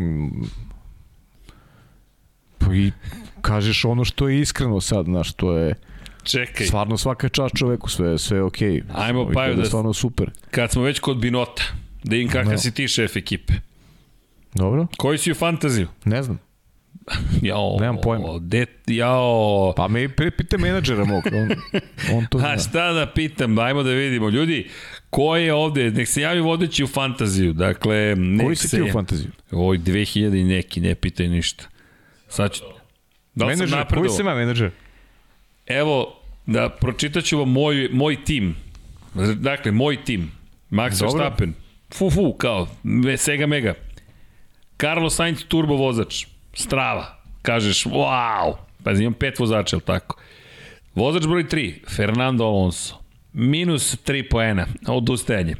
Vozač broj 2, to je broj 4, izvinjam se. Yuki Tsunoda. Nisam počeo trku, minus 15 poena. I peti vozač, Mick Schumacher. Nisam počeo trku, ali dobit ćeš 2 poena. Imam Ferrari. Tako da, Dok je Alonso bio u trci, imao sam neku šansu, ali Nikola P. inače vodeći u šampionatu, ali dijeli prvo mesto sa Stefanom T i Dejanom Z po 561 poen. Inače, ovo je sve na poen. Vodećih 10 i u 20 poena. Zaključno sa Žoržom, Tonijem, koji, su de, koji dele desetu poziciju. A, luda kuće. Dakle, Dejan, Miloš Tolimir, pa Leletu M, pa Zoran D, Milan D, Tarik K, Oljem P, Željko S i Toni M. To je vodećih 10. Vodećih 10 u ligi koja ima 3920 takmičara. Ja sam 2990. Ja ne znam stvarno koji su. Mislim da nije u redu što mi se smete, ali to je u redu. A, kako? Kako je moguće? Pa pročitao sam ti ko su mi vozači. Od pet vozača, tri vozača mi nisu stigla do cilja. Od, od toga, znaš koliko vozača nije zapo... Da, ali znaš koliko vozača je koliko vozača nije započelo trku? Dva od 20. Ja imam dvojicu. Mick Schumacher i Yuki Tsunoda. Ja mogu ti gledati samo koje, koje vozače imam. A, a, koje vozače imaš? Imam Charles Leclerc koji mi je turbo vozač. Dobro. Imam, imam Norisa. Dobro. Pereza, Gaslija i Bottas. I Gaslija i Bottas. Da. Znači samo Bottas koji nije završio trku, ovi su u poenima ova četvorica. Da. I Ferrari I, mi Ferrari, je i, fe, I meni je Ferrari da. tim isto. Bio mi je McLaren, ali iz nekog razloga sam ga promenio. Pa da nisi promenio, sad bi bio Sad bi bio- 16.399. Sad me ne bi ni bilo na spisku, bilo bi di... Komesar ligi je diskvalifikovan za neznanje, apsolutno. Inače, Boris me prozivao, kaže, ajmo eksperti. Tako da nemojte ići mojim putem ni pošto. da, a, dakle, evo, javite se ko je vodeći, nadam se duže. Ja neću da menjam ništa. E da, ti si rekao to ne, je to. ne, neću menjam uopšte, ma jok. Paja vodi pravi tim. Kada Pa izabere, mislim, izabere. pa to je to, znači ne, ne, nemam potrebu da menjam. Mislim, ne, iskreno ti kažem, ne bih se ni setio. Ali neće stvarno da menjam, ne, ne. Mislim, generalno, Čekaj da vidim, da te pronađemo ovde na mi na spisku, da vidimo ajde, koji si. ajde. Pavle Ži... O, ho, ho, ho. 994. Idemo, Pavle. Samo si 2000 pozicije ispred mene. No, to se da promeniti srednje. Koleginica iz prodaje. Pa ne znam, nije tu. Ona je bila u top 100, ali nisam siguran gde. Ajmo da je pronađemo. Da vidimo. Jao. Čekaj da vidim. Izvinjam se sad na ovoj pauzi. Ajde, moram da je pronađem. Dobro, pronaći ćemo, e, pa ćemo da vidimo. A što moramo da je pronađemo? Šta? Da bude najbolja?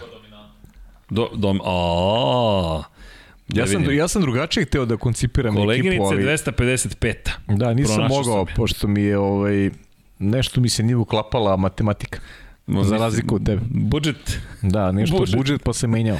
budžet se malo promenio. Teo sam Russell da mi bude ovaj turbo vozač. A u, to, u, toj, u toj projekciji su bili i Bottas i Magnussen. Ne, ne, bolje ti ovako, veruj mi. Dobro, ja ostajem veran ovim vozačima, pa eto. Ne, ne, ja ostajem Ajmo, isto, neću da Nando. menjam. Ma igramo se, šta? Igramo se, pa naravno A, da se da, igramo. šta? Da, inače Leclerc donosi najviše poena trenutno. Da, pa da, Leclerc, logično. To je sasvim logično, naravno. Ok, idemo dalje. Dakle, dobio sam minus 15 na Yukija Tsunodu. Sjajno. Sjajno. Fantastičan. Mislim- Da, to je maksimalni, to je minimalni broj poena. Maksimalni negativni broj poena. Minus 15. Sve si pogodio sad. Ne možeš da, ne, mogu da budem diskvalifikovan iz trke, eto, to mogu. Ali pošto nisam klasifikovan i eliminisan sam iz kvalifikacija, eto. Juki više nije ruki, ali... Juki je na muki. Juki je na muki. da, moči se Juki, ali na, dobro. Na muki se poznaje Juki. Da, i ko želi da se priključi, evo stavit ću kod ponovo, pa eto, da, da, da Pa da, što da ne, da. Kod je tu, zakucan pin. Da, da, prozivaju me ovde, Pajo, spasi me. Što? pa što sam loš toliko. Pa dobro, igra ljudi. To je sve u redu. Dobro. Igramo se. Eto, to nismo, to ne smemo da zaboravimo. Da. A koji nam je deki? To ne smemo da zaboravimo. E, ne, je nam Deki uopšte... To ne znam, ajde. O, čekaj, sad ćemo, molim da, sad ćemo potražimo i Dekija potkonjaka. Ajde vidimo koji nam je Deki. Da, i da imamo gde Boris. Moramo Boris da vidimo, pa da, da padne prozivka. Inače, Dart Dux kaže, pošto je 187. podcast, podcast će trajati 187 minuta, matematika je dosta jasna. Neće. viću, viću Paja i Vanja neće. Neće, neće, neće. Trajaće 287 minuta. Ali, da, evo, poslali smo inače najftinije karta trenutno za Imolu 580 eura. To je ostalo. Ljudi, je tako, a? Da, to ne možemo da vam mnogo pa pomognemo, da. to je to je prosto tako. Za vikend je. moglo da se nađe i za 300 i nešto, i nešto. 370 recimo. Da, da. ali ste vam i to nešto govori povoljnije. koliko je skočila popularnost Formule 1. Pa ne, čekaj, Ljudi. idemo, gde idemo? I u Italiju. Imo, ko vodi? Pa logično. Pa, logično je krajnje. Koliko su čekali znači Ferrari taj moment? Godinama. Ne, ne, ovo, pa ajde realno, kada je poslednji put Ferrari imao ne samo pobedu u prvim sezonama, imao u prvim trkama, to je imao sa Sebastianom Vettelom. Pa da, ili imao je sećaš ali... trke gde je Mercedes u stvari bio dominantan, bio splet okolnosti. Tako je, ali to znači, upravo to. Ovo je drugačija ovo je, situacija. drugačija situacija u smislu da u smislu toga da Ferrari izgleda moćno. Izgleda onako kako Ferrari treba da izgleda. Deluje kao da je ponovo šampionski tim. Pa da. Dobro, ne znam da li smo još nešto zaboravili. Ljudi, ako smo nešto zaboravili tema, da, ima jedna tema koja... Da, vezano za analizu, pa ne, mislim, za analizu treba for, ne, formulu, hoćemo Formulu 2. Da, ali da, da, Formulu 2 bih samo jednu stvar pre toga. Nažalost, ovo su ovo je prosto informacija koju, ajde, moramo da vam prenesemo, ali ja bih iskoristio u suštini priliku prosto da, da vam kažem ljudi, vodite računa o sebi i o drugima oko sebe. Psihičko zdravlje, mentalno zdravlje je veoma značajna stvar i ne pričamo u poslednje vreme toliko o tome, ima toliko stvari, vesti, informacije, ali nekako mi insistiramo na humanosti i da to ne zaboravimo, što bi rekao Deki Potkonek, to ne samo da zaboravimo, zaista vodite računa, vremena su zaista teška. U kom smislu? Nisu ona teška nužno. Dakle, ima lepih momenta, prelepo je gledati Formula 1, ali opterećenje kojima je izloženo ljudsko biće u momentu, sa hiperkonektovanošću, sa zahtjevima, gde više radno vreme ne postoji, gde može neko u 11 uveče da vas zove i kaže treba mi hitno nešto, poslaću ti na e-mail, poslaću ti na Whatsapp, poslaću ti na ne znam nija šta, a vi ste dužni da nešto, niste dužni ništa, dužni ste samo da se... Skoro sam ide čuo da recimo, znaš da u Holandiji nema pravo niko te zove posle, posle radnog vremena, vremena, da. To je zakonom zabrinio, niko ne smije te zove s posla, kad završiš radno vreme, ne, ne sme niko te zove. Nas dvojice, za, za nas koji radimo ovde, to ne važe, pošto smo u medijima. Mediji rade 0 do 20, 24. To je splet okolnosti. Ali ako imate poslove koji su klasični, ne, ne znam da li je pravič klasični, koji imaju drugačije radno vreme, prosto vodite računa jedni u drugima o sebi. Zašto to spomenjem? Nažalost, u starovnjenu da je Max Mosley, nekadašnji šef FIE, nekadašnji predsednik Međunarodne automobilske federacije, izvršio samoubistvo. Dakle, to su teške stvari i postoji dani borbe protiv samoubistava. Nažalost, mi smo dovoljno matori da smo imali situacije u kojima smo prošli kroz to da ostanemo bez nekih dragih, bliskih ljudi koji su jel, podigli ruku na sebe. Pa eto, samo da podignemo svesti o tome, o mentalnom zdravlju. Lando Norris se time dosta bavi sa Mind fondacijom. Mi se trudimo zaista da podržimo što više takve inicijative i stvari i da vam kažemo Da, ima teških dana, mi smo ih imali koliko hoćete. Dakle, jedna od stvari je bila, pošto sam ponovo bio u, u gostu podcastu, inače pozdrav za, za studente koji, koji su me zvali, ali se nadam da sledeći put kada me neko pozove da ću pričati o psihičkom zdravlju, da mogu ja da otkrijem šta, smo, šta sam ja konkretno sve prolazio, gde je bilo potpuno ludo i opterećenje bilo ogromno, i nije mi nikad palo na pamet da nešto uradim protiv sebe, ali je bilo teško, ljudi.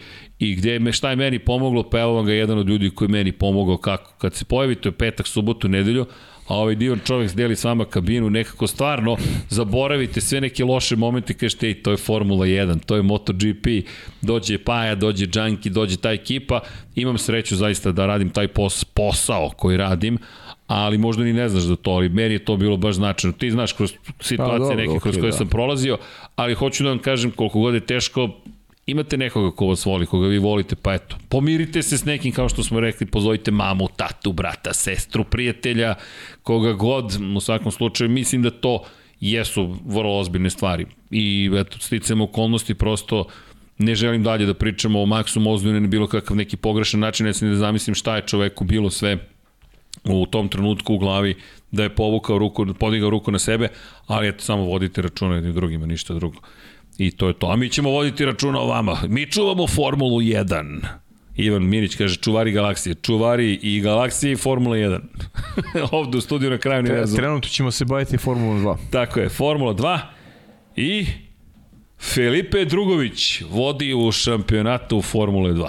Pol pozicija u petak, u trci broj 1 dobio treće mesto posle diskvalifikacije Jakea Hughesa i pobedio u drugoj trci gotovo savršen vikend. Okolnosti mu išao na ruke, Teo Puršer koji imao mehanički problem još u kvalifikacijama, što je uslovilo da, da vikend bude problematičan problematičan u smislu neosvajanja pa, onoga što poena, su što je, što je logično.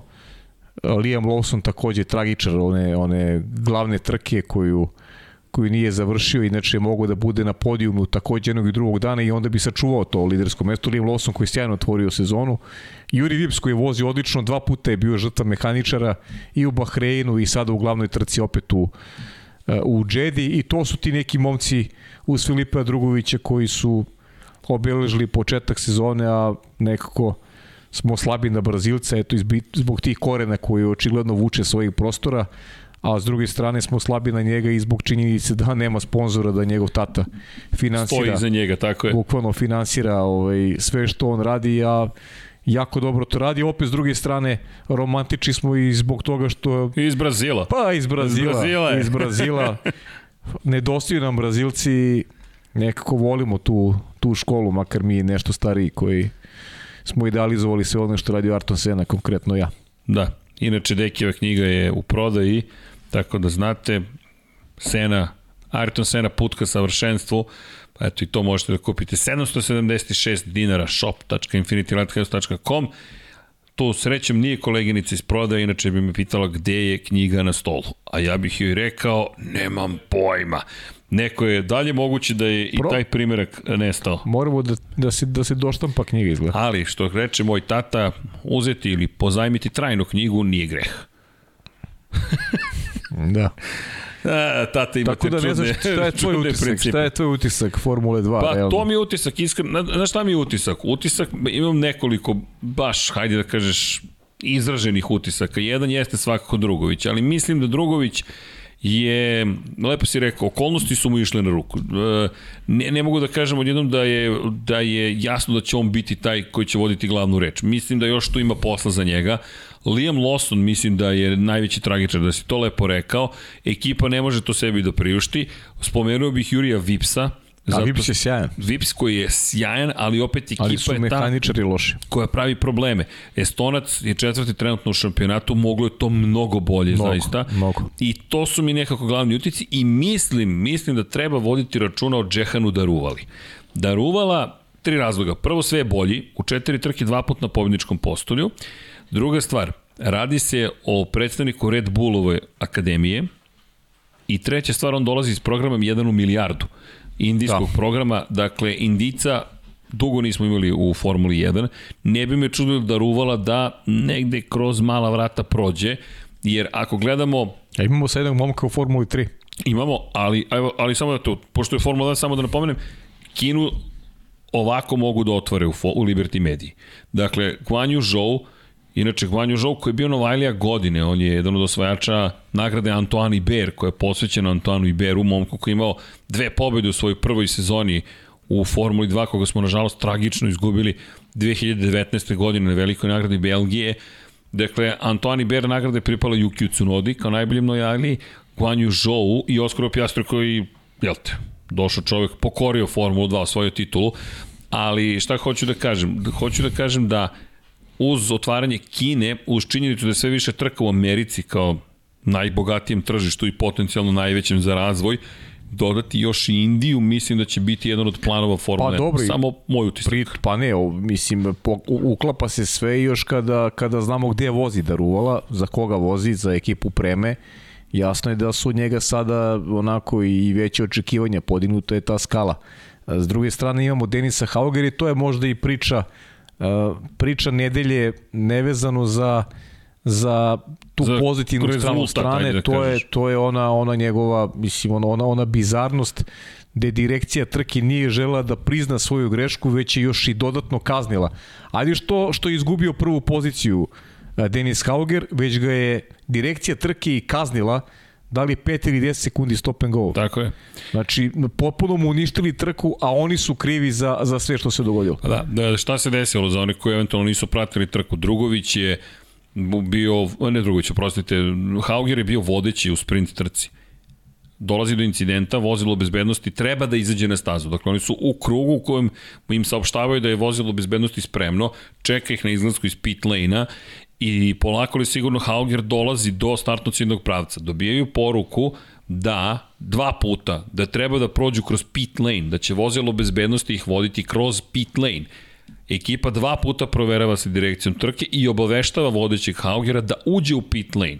U tom momentu, nego setim ko je bio drugo, Veršur je bio drugoplasirani, Veršur ne odlazi za njim, ne, Callum Williams, izvinjam se, ne odlazi za njim, nego nastavlja pravo i treće plasirani, četvrto plasirani, svi ostali nastavljaju duž staze. Jedini ko odlazi u pit lane je Denis Hauger. Izlazi nazad na stazu, gubi pozicije jer je bio najsporiji, jer je još sporije ići kroz pit lane. Imate Ma izašao, vratio se negde 11 i 12. Tako je. I potom direkcija trke kažnjava Denisa Haugera. Zašto? U momentu kada je dobio instrukcije da uđe u pit lane, direkcija trke izbacila poruku da zatvara ulaz u pit lane. Dakle, rekla je prođi kroz pit lane, a onda je zatvorila pit lane. Prošao je kroz pit lane i onda ne samo što izgubio poziciju, već dobio kaznu da stane. Jo, još mu je tim rekao da su dva puta pitali da li da se prođe kroz pit lane, oni su dva puta potvrdili da. Katastrofa. I povrh svega, nijednog momenta nisu uopšte htjeli da kažu da su napravili grešku. Umesto da vrati dečku poziciju, oni su ga još kaznili sa, sa, sa stop and go. Mislim, ludilo. Bizarno. Bukvalno Znaš, bizarno. Ti momcima ti rezultati znače i od tih nekih rezultata zavisi i negde projekcija njihove budućnosti i tako dalje. Denis Hauger loše počeo godinu, on je ovde imao pobedu u džepu i to su koliko? Pazi, u trećoj trci u karijeri. Ok, da, des, des, treći trk u karijeri i pritom bez obzira što je on Ovalija i Oskar Pjasti prošle godine na Ovalija u Formuli 2 po svoju šampionsku titulu, jer uvijek se opremenih vozača očekuje mnogo, ali ovo je sada Znaš, kakvu poruku šalješ kao, kao direkcija trka? Kad mi pogrešimo, da, koji pik je ne važi. To je okej, okay, ali a još ću te kaznim zato što sam ja pogrešio. Mislim, budalaština i to, to ne bi smelo da se događa Pa, to Nikako. Problem u, u najbliže, najbliže rečeno. E, problem je u tome što šta sad to znači za budućnost svake trke i šta to znači iz perspektive Formule 1, jer ti isti ljudi sutra će odlučivati u Formuli 1, to jest već odlučuju i u Formuli 1.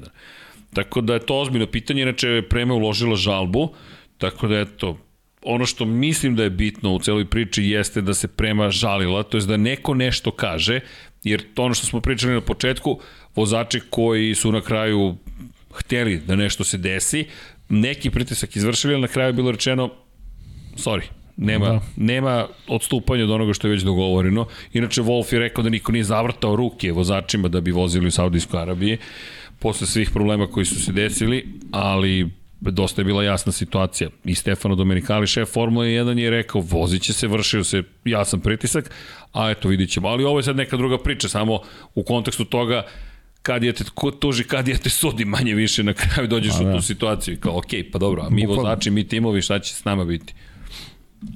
I Ništa, tako. kao iz, iz preme ljudi, ako ste gledali trku, oni su se smejali, bukvalno. Bukvalno, na kraju su rekli, šta, šta da drugo da, da radi? Pa šta drugo da radi, ono, baš pa, mi smo se smejali. Cela, cela priča je bila na nivou cirkusa. Smešno, da. Da, eto, to, to, to je to je otprilike to. Ne, nećemo sad najavljivati Australiju, nemojte da brinete. Ne, nećemo. I još samo eto dodam, ajde, pošto uvek pričamo o, o NASCAR-u, vozila se da. vozila se jedna trka na klasičnoj stazi u Teksasu i pobedio Ross Chastain u ludilu ove godine. Stalno dobijamo neke nove pobednike, nove junake. Bukvalno.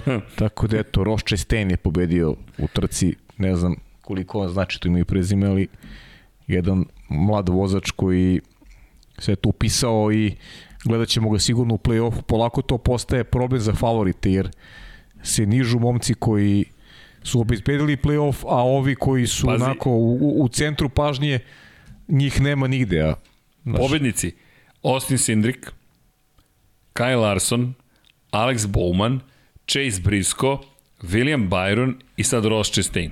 Da. To je šest pobednika ove sezone u prvih šest, šest trka, da. pri čemu nismo rekli ni Chase Elliott, ni Joey Logano, nismo rekli ni Martin Truex ni Kyle Busch, ni, ni Kyle Busch, Busch ni... Kyle Busch koji je 11. trenutno u šampionatu i uopšte nije naivna situacija, Dakle, govorimo o ljudima od kojih očekujete pobe. Austin Dillon isto, što da ne. Pa dobro, znaš. Šta je Ryan Blaney, koji jeste na drugoj poziciji, ali najbolji plasman Blaney je četvrta pozicija. U trci. Da, da, da, mislim, onako. Da, zanimljivo. Interesantno je, da. Interesantno zanimljivo, u tom zanimljivo. pogledu. Zanimljivo. Novi pobednici, neka nova lica i, I da, i ko prati Chevy ima četiri duživo. pobede u ovoj novoj generaciji, Ford 2, Toyota još uvek bez pobede s novom generacijom NASCAR. Chevrolet opet izgleda, da, da. izgleda najbolje. Sjajno izgleda. Mm. Baš su radili sve kako treba. Jest. Božija nismo dugo zvali, morat ćemo da zovemo Božija. Pa da kad bude neka taladega nešto, kad bude nešto veliko. Imsu bismo mogli malo isto da izanaliziramo. Dobro, da. bit će prilike. Pa bit će u da. pauzi, onaš kad nema, kad, kad ne, ne analiziramo trku Formula 1, znaš, to su ti neki momenti, kao recimo sledeće nelje, taj bi smo mogli nešto da da uvedemo, da osmislimo. Da, i, i ima još jedna stvar, izvini, da, da napomenemo zapravo ove teme. Direkcija trke, inače, kada je reč o grafikama, direkcija trke ne upravlja grafikama. Direkcija trke ima svoju statusnu mrežu i timovi imaju pristup tome i oni dobijaju statusne poruke zapravo koje su odvojene od onoga što je televizijski prenos. Televizijski prenos upravlja, televizijskim prenosom upravlja produkcija. Dakle, Liberty Media je zadužena i tako kada vidite grafike, to se radi na osnovu sistemskih poruka koje šalje direkcija trke. Direkcija trke se ne bavi prenosom trke, naprotiv, fokus mora da bude upravo na onome što se događa na stazi. I da znate, mi ne upravljamo takođe grafikama, da. mi takođe dobijamo, mi dobijamo isti signal koji vi dobijete. Dakle, da Potpuno. da znate, U, inače, u Formuli 2 i Formuli 3 možemo da čujemo naše kolege koji se nalaze na stazi engleske. Mi to ne radimo, ne volimo. Ne, ne. To nam je samo smetnje, tako da ih gasimo ali desilo se par puta da je otišlo u izlaz zapravo da ste čuli i naše engleski kolege i nas. Mi se izvinjamo, desi se ponekada, javite nam kada se to desi. U Formula 1 ne postoje uopšte. Formula 1 12 godina mi nemamo jedan glas, ništa, ni jedan glas. I jedan glas smo dobili i to ne komentatora, već režije. Pa da, to je da. Što nam je bilo dobro. Pa da, to nije loše. Ali više principu nemamo. znaš ko ide kada, Tako šta je. se dešava, da. To je... A to je globalna režija, inače kako funkcioniše. Jest. Mi onda dobijemo u ušima signal za 5 sekundi ide grafika neka. Jest. Čak ni to nemamo. Više, više, da više nam je, nam je neophodno kada uđemo recimo desetak minuta ranije u prenos. Pa onda da. ima, sada ćemo da vidimo Gaslija kako, ne znam, igra onim njegovim lopticima, kako vežba reflekse, Tako pa ne znam, vidjet ćemo sada ovo, Ali to ne znam, vidjet ćemo krug, naš. Pa je za ovih 200 10 trka, koliko ih već pa, imaš. Možda i jače. Možda tri put se desilo da smo to imali. Bukvalno, da, za da. ovih 12 godina, ne, ovo nam je koja godina? 12. Ovo je 12. Kineski ciklus smo okrenuli, pa je. Pita me Viško juče, jesi ti osedeo? Ma ne, čini ti se. Odakle ti ta ideja? Mm. Nego zbog reflektora, to je refleksija. Ja rekao, porasla mi kosa. A? Jeste. To je tvrdnje da postoji kosa. Šiš. Tako je. Ok, ljudi, imali neko neko pitanjce za nas, ukoliko hoćete, brzo da odgovorimo, mada nadam se da smo pokrili dosta toga. Ja mislim da jesmo sudići po pitanjima koje sam ja dobio manje više da... Smo pokrili stvari. Pa da, jesmo, baš smo bili onako I onda dolazi omiljeni deo Lab 76, ali evo dobro da sačekamo par minuta i da se pojako, polako pozdravljamo i odjavljujemo. Dakle... Evo, Vladimir Vuječić. Da. Evo, to je apropo uh, kaže, pozdrav ekipi u studiju na kraju univerzuma, danas sam prolazio kroz Fetilov rodni grad Heppenheim. Imam samo jedno pitanje. Prošle godine neko u studiju obećavao da će gostovati u podcastu ako Ferrari pobedi, ali se ne mogu setiti je to bio Vanja ili Dom Pablo. A eto, Ferrari ima dvostruku pobedu. Vanja, Puno Vanja. pozdrav od jednog kamionđije koji uz vas mnogo prekrati vreme i ne osjeti put. Samo tako nastavite. Hvala. Hvala puno, Vladimire. Veliki pozdrav. Vanja, morat ćeš u studiju. Dakle, čekate. Kako? Nije da nisi tu, da. da. ne, ne, ali potreban si nam, pazi. Tvoje gostovanje je bilo lepo gostovanje. Da, evo, pisi. To Najavljamo ti, više, spre, spremi manje, se.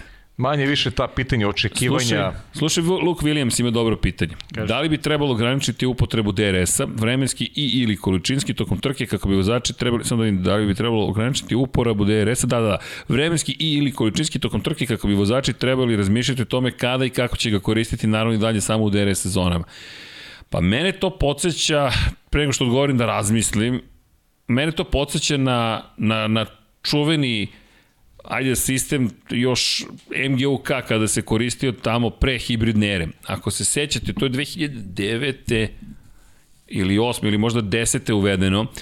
Imali smo praktično ERS sistem gde ste mogli da na, na osnovu MGUK generišete određenu količinu električne energije i to nismo zvali hibridni sistem jer je relativno bio ogran... baterija je bila mnogo manja, mnogo manje snage davao taj sistem, ali je davao dovoljno da su vozači morali da računaju kada da prazne bateriju. Iskreno, da li bi ograničio DRS, nisam siguran, već sama činjenica da, da treba da budete u jednoj sekundi mi je dovoljan hendikep da biste koristili DRS, tako da kada ste u jednoj sekundi, neka je onda traje bitka, ne bih ga ograničavao. Ali šta bih promenio?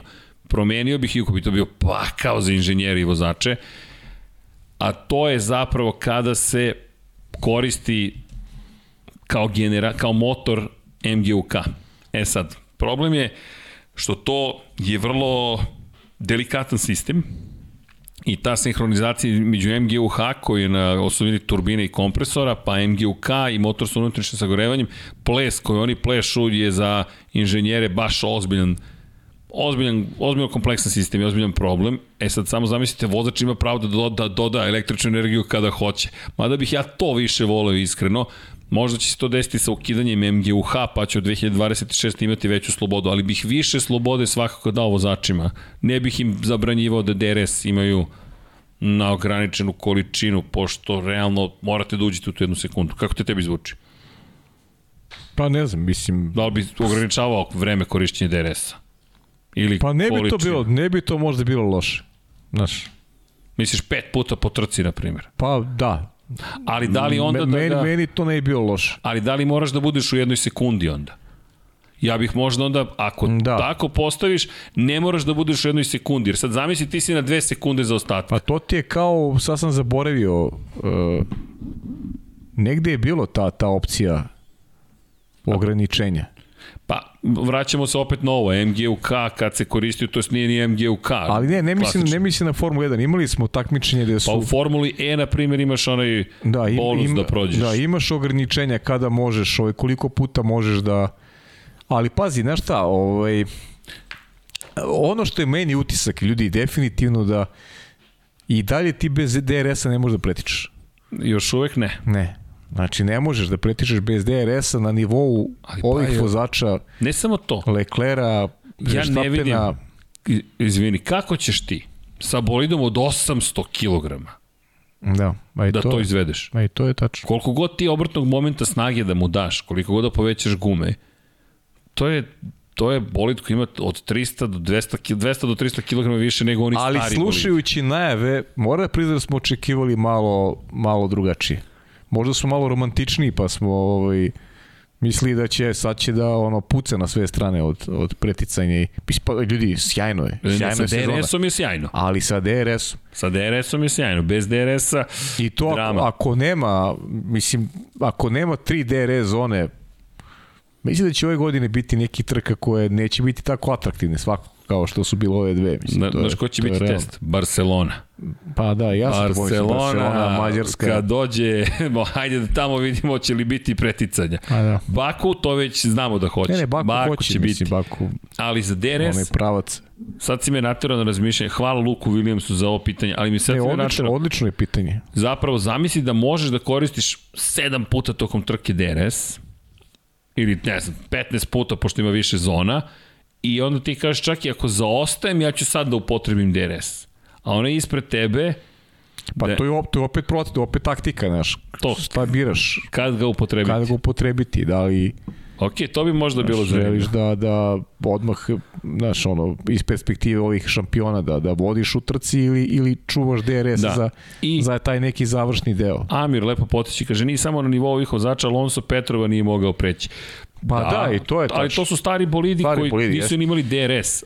Čak ni, ta, jer to je romantizacija, to što ti kažeš, romantično se gleda Formula kao nekad se samo preticalo, ne, nije, nije, nije, nije, nije, nije, ali imali ste dolivanje goriva i tako dalje. Zašto DRS nije dozvoljeno odmah na početku trke posle safety kara i iz bezbednostnih razloga?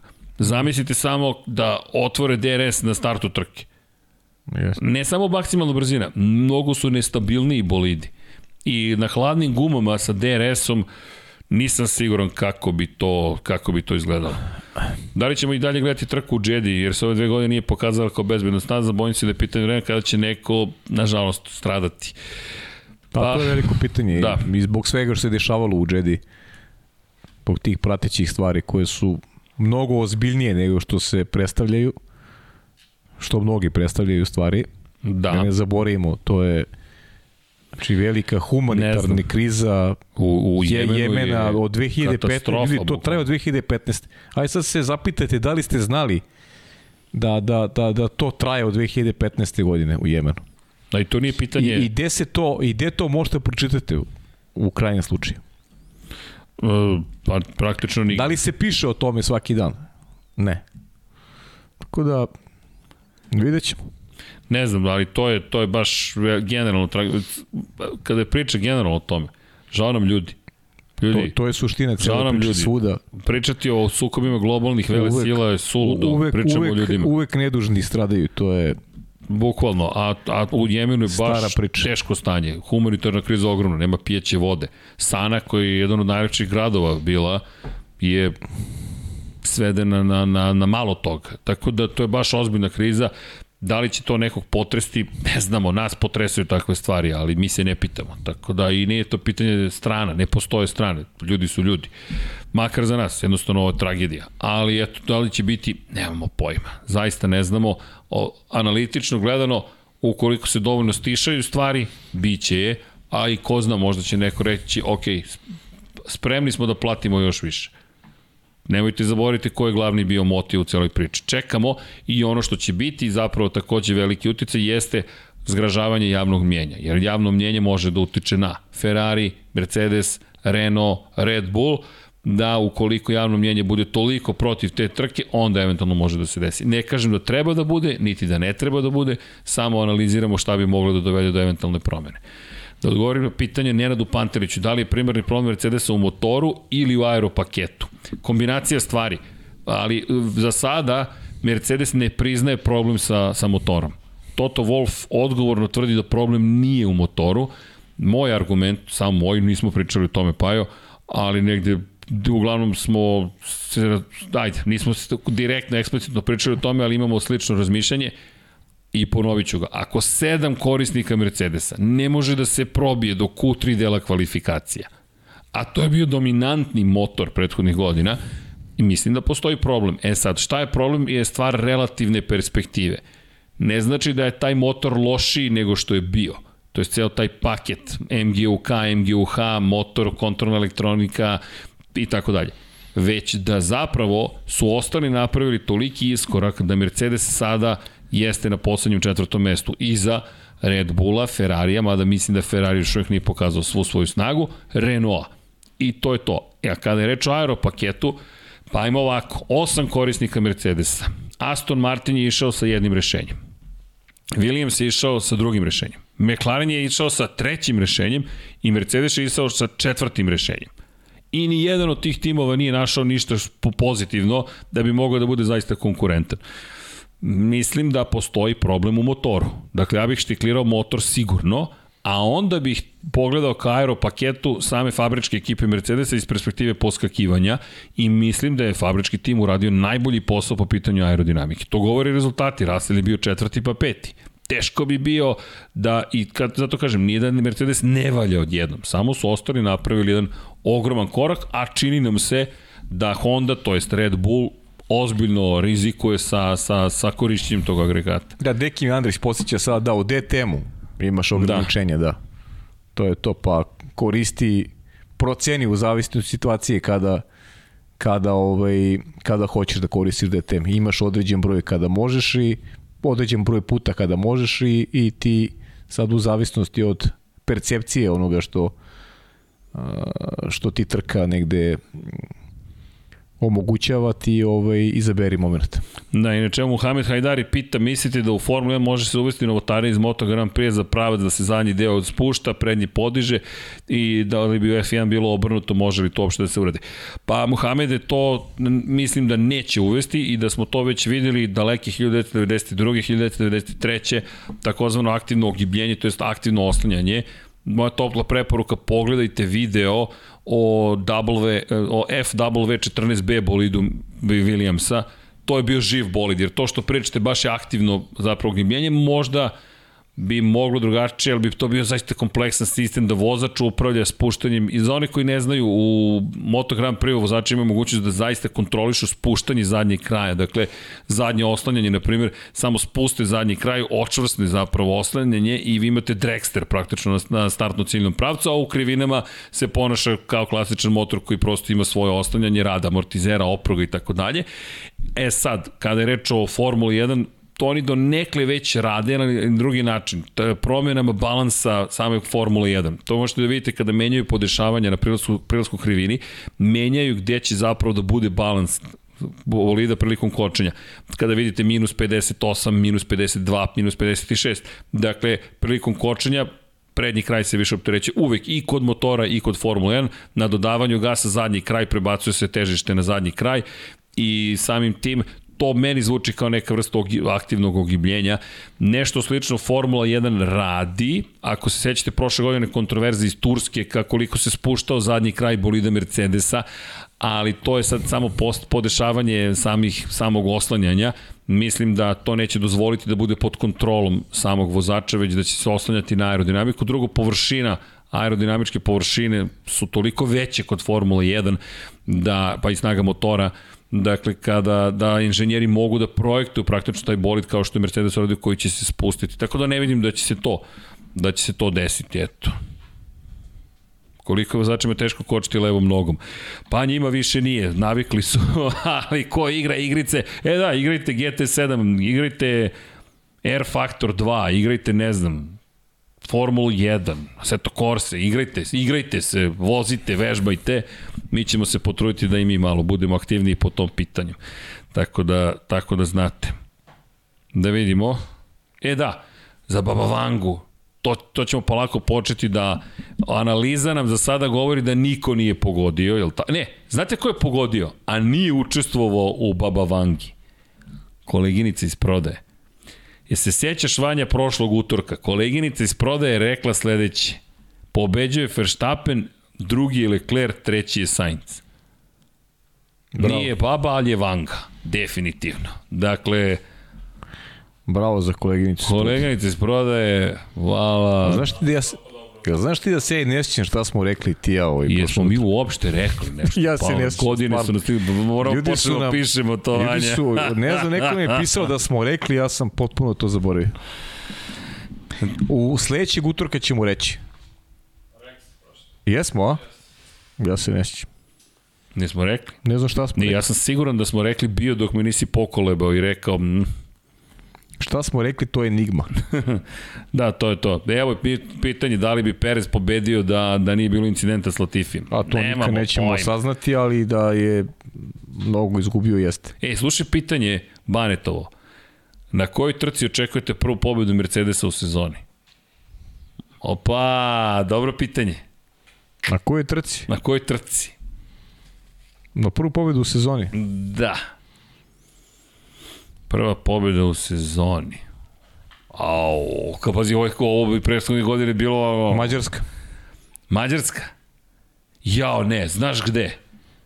Mada Mađarska je pre, ali ja ću reći Kanada. Ja ti ja sam rekao Mađarska. Ok, Vanja, molim te zapiši ovo za nas starije od x godina, nije bitno. Ne, to ću, ovo ću zapamtiti. ja, Kanada. Ok, eto, nadam se da smo odgovorili na pitanje. Pa odgovorili smo, šta jesmo. se nadaš? Da, pa to, da, jesmo. Vidjet ćemo šta će biti je, samo. Kasno je, kasno je.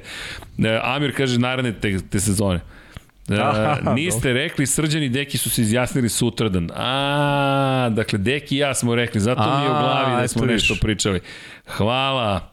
Eto. Hvala Aleks Vulović. Jao, da dobro je. Još malo i 187 minuta. Dobro, ti ja smo svako promašali. Ne, ti si rekao Max Verstappen.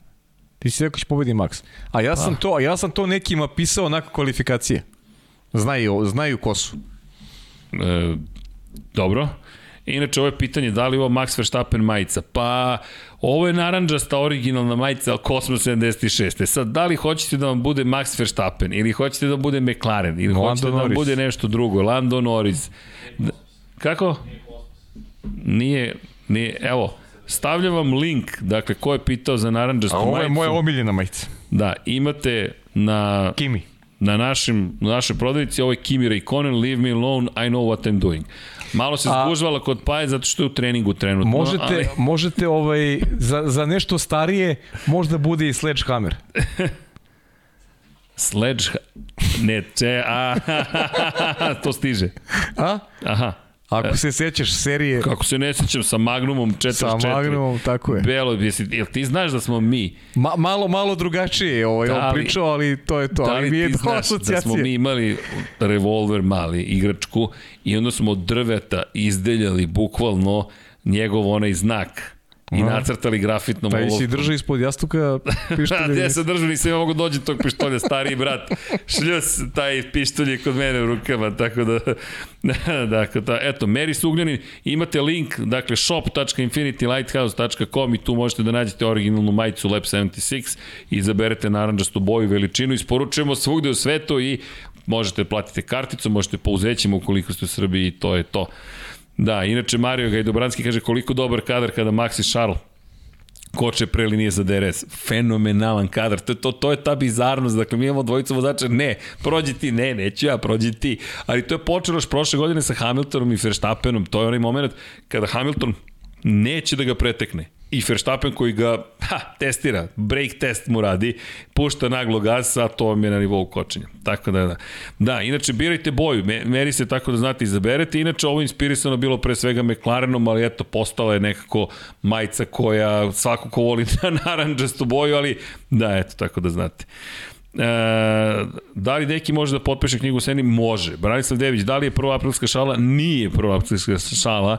E, da, Srki, da li je problem kod McLaren u stvari pull road, a ne pull, aha, E to mislim da, da nije. Za one koji ne znaju pull road, o tome smo pričali, to je oslanjanje koje zapravo ima imamo, uh, je sve u redu, imate, imate zapravo sponu, imate, ajde da kažemo, potisnu sponu, imate sponu koju, koja, koja je Hajde da to da pokušam da nacrtamo. Ne nacrtamo, da čekam da li imam neku dobru fotografiju, pa da za one koji ne znaju eventualno to kažemo. Ali kada je pričao o tome, Red Bull koristi isti sistem. Tako da je pitanje da li je Dom Pablo mi se ovde buni, počinje već da mi da mi preti. Ja Dakle, imamo vučnu sponu, imamo tu takozvanu gurajuću sponu, ajde da kažemo push rod, pull rod. I sad, Mm, da vidim samo da li imam, izvinite, možda na, ovoj, na ovom crtežu to može da se vidi. Nisam siguran da je to problem, iskreno. Red Bull koristi isti sistem. Tako da možda je do načina na koji su to realizovali u McLarenu, ali mislim da to nije kao one 2013. godine kada su se potpuno izgubili u tom sistemu i da je ovo pre svega do aerodinamike, načina na koji su zapravo pripremili ceo taj aerodinamički paket. Ljudi, Mnogo je mlada ova nova era Formula 1. Ovde otpadaju, svi su preteški inače. Dakle, vi imate minimalnu obaveznu težinu. Nemate maksimalnu težinu koja je dozvoljena, ali imate minimalnu obaveznu težinu i svi su preteški. Imaju po 10 kg više od onoga što, što, što im je dozvoljeno. Dakle, tu će tek biti posla kako smanjiti. Inače, ne, ne znam da li, e to moram da vam nađem da vidite zapravo, da imate spone koje drže delove poda i šta se tu događa? Timovi kako bi smanjili težinu poda, smanjuju količinu zapravo ugljeničnih vlakana koje koriste za pod, ali da bi ostao dovoljno stabilan, pošto su ogromne površine, da se ne bi uvijao, imaju spone sa strane kojima kače zapravo pod. Potpuno bizarno, ali je to lakše nego da napravite deblji, deblja površinu od ugljeničnih vlakana. Tako da, eto, nadam se da sam odgovorio, to je samo moja teorija. Tako da je oslanjanje, ne vidim da je problem za McLaren konkretno. Vettel, Mercedes će biti najjači od Silverstona. Može da se desi, ne, ne znamo. A kako će biti Fetelova sezona? Pa to smo rekli, moramo da ga sačekamo. Pri čemu, šta ukoliko bude imao dugi COVID? Kao što je bilo situacija. Mi to ništa ne znamo. Pa zato je iza Ricarda ovaj, Tako je. ne treba baš suditi na osnovu rezultata, nego sačekati i njega da vidimo šta Tako će je. biti u nastavku sezona. Inače, Bojan Đurđević pita zašto se potencira da Ferrari nije osvojio titulu već 15 godina, a Williams nije 25, McLaren nije 14, a vedeni timovi su bili izjednačeni po svim karakteristikama do 2000. Dosta jednostavno. Ferrari je Ferrari. I pa, zato se toliko potencira. Pa dobro, ali, ali nije da Ferrari nije bio prisutan recimo u prethodnih 14 godina. 2010. Alonso, Alonso 2012. I, Alonso, imali, imali su šanse, da. Vettel, da. Williams ja stvarno u prethodnoj dekadi Pa ne samo u prethodnoj. Pa Hajde dobro, da... ali ajde da gledamo od perioda kada, kada radimo ti ja zajedno, pa recimo. Da. Jedna pobeda. Pa ne samo pa Pastor eto, jedna Maldonado, pobeda. Jedna pobeda Mi smo Pastor komentarisali Maldonado. jednu pobedu. On, oni, oni ne da nemaju kontinuitet, nego, nego ne, oni opet kao da su napravili jedan korak unazad u odnosu na prošlu godinu. Tako izgleda početak sezone. Pavle, ajmo, ajmo još jedna stvar.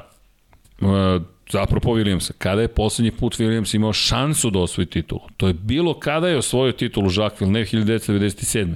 1998. već sa Mekahrom motorima oni nisu imali šansu. Da, imali su on, onaj period sa Masom i sa Bottasom sa Mercedesom i motorom kada su uspevali da se domognu podijuma. Tako je, Masi i Bottas i to je to bilo i najbolji period u toj ali nisu bili dekadi, konkurenti za titul. Nisu bili, za, nisu bili ni blizu. I dru, druga stvar, još jedna stvar, McLaren je do 2012 imao šansu da osvaja titule. 2010. Lewis Hamilton se borio za titulu šampiona sveta. Nije Jest. uspeo. 2012. imali su najbolji bolid, ali splet okolnosti doveo do toga da se nisu borili za titul. Na početku sezone ubedljivo najbolji bolid su imali, ali nisu iskoristili svoje šanse. Zato se toliko priča i drugo, zaista stojim pri tome. Ferrari jeste Ferrari. Ne pocenjujemo McLaren, ne pocenjujemo Vines, pogotovo ne McLaren. Ali činjenica da je Ferrari jednostavno tim koji je jednakost sa Formulom 1. Zato se to toliko potencija. To vam je, e, inače, bilo, dosta kritika bilo da su ljudi mi pisalo da, da, da, da ne zaslužuje kritike Lewis Hamilton za nastup u kvalifikacijama. Ne slažem se s time. Zašto? To isto važi za Ferrari. Kada ste toliko uspešni, kada ste vođa neke ekipe, onda i zasluge i kritike idu prvo pa, znam ljudi, onda, onda, po, čekaj, onda postavite stvari na, na, na drugi način. Šta je onda, uh, zašto onda hvalite Luisa Hamiltona kada osvoji šampionsku titulu? Ili onda do bolida ili do Luisa Hamiltona? Pa, Znači, ja, ja mislim da je, da je e, više do Luisa Hamiltona. Pa onda ako ga hvalimo kada je najbolji, Tako je. ajmo onda i da ga kudimo kada, kada je loš. Ili postavite stvari da je Mercedes zaslužen za šampionski titul Luisa Hamiltona, pa je onda sada i kriv e, zato što nema nigde Luisa Hamiltona ili, ili da postavimo stvari iz percepcije vozača. Ja ne mislim da, da bi bilo ko uh, sa Mercedesom osvaja šampionski titul. Ne mislim to. Slažem zaista, se. zaista ja to ne mislim. što sam rekao. Ali, ali ne, ne možemo da tek tako prođemo što je Lewis Hamilton bio 16. u kvalifikacijama. Šta, sada je do bolida? Pa onda postavite stvari da je do bolida i to što je bio toliko dominantan prethodne godine. Mislim, stvari su vrlo jednostavne. I, i, ja ih postavljam ovako da što to tako mislim, zaista. Ja stvarno mislim da Lewis Hamilton je, Donosi jedan razliku. veliki vozač i da on pravi razliku. Da Mercedes sa nekim drugim vozačom ne bi bio toliko dominantan. Ali isto tako Mercedes sa Lewisom Hamiltonom čak i kad ne valja mora bude mnogo bolji. Evo vam primjer Georgea Russella. Recimo George Russell, dečko druga trka u Formuli 1 i od, odradio je posao perfektno. Evo, Nikola Niksi kaže kako komentarišete to što u Formuli 2 samo jedan mehaničar po točku, pa logično da će biti više grešaka. Naravno, pa da, smanjuje i troškove, traži više vremena, više koncentracije i... I mnogo du, duži traju te zamene, pa to, to je ali da li je to za Formulu 1 ako je to neko implicitno pitanje? Ne, ne, ne. Ja nisam za to. Ne, ne. Meni je ovo spektakl poseban, da imate 20 ljudi koji u 2,5 sekunde sve zameni. Me, me, zadovoljstvo je uživati u tom savršenstvu. Šta mislite o pauzi između Monce i Abu Dhabi od dva meseca u Formuli 2? Pa je to već rekao. Užas. užas katastrofa. Dakle, ti si u borbi za titulu eventualno, odvezeš posle, predposlednju trku, to je predposlednji trkački vikend i Ne znam zašto Vidimo insistiraju da se, da se, da se, ovaj, da završnica bude Abu Dhabi u Formule 2.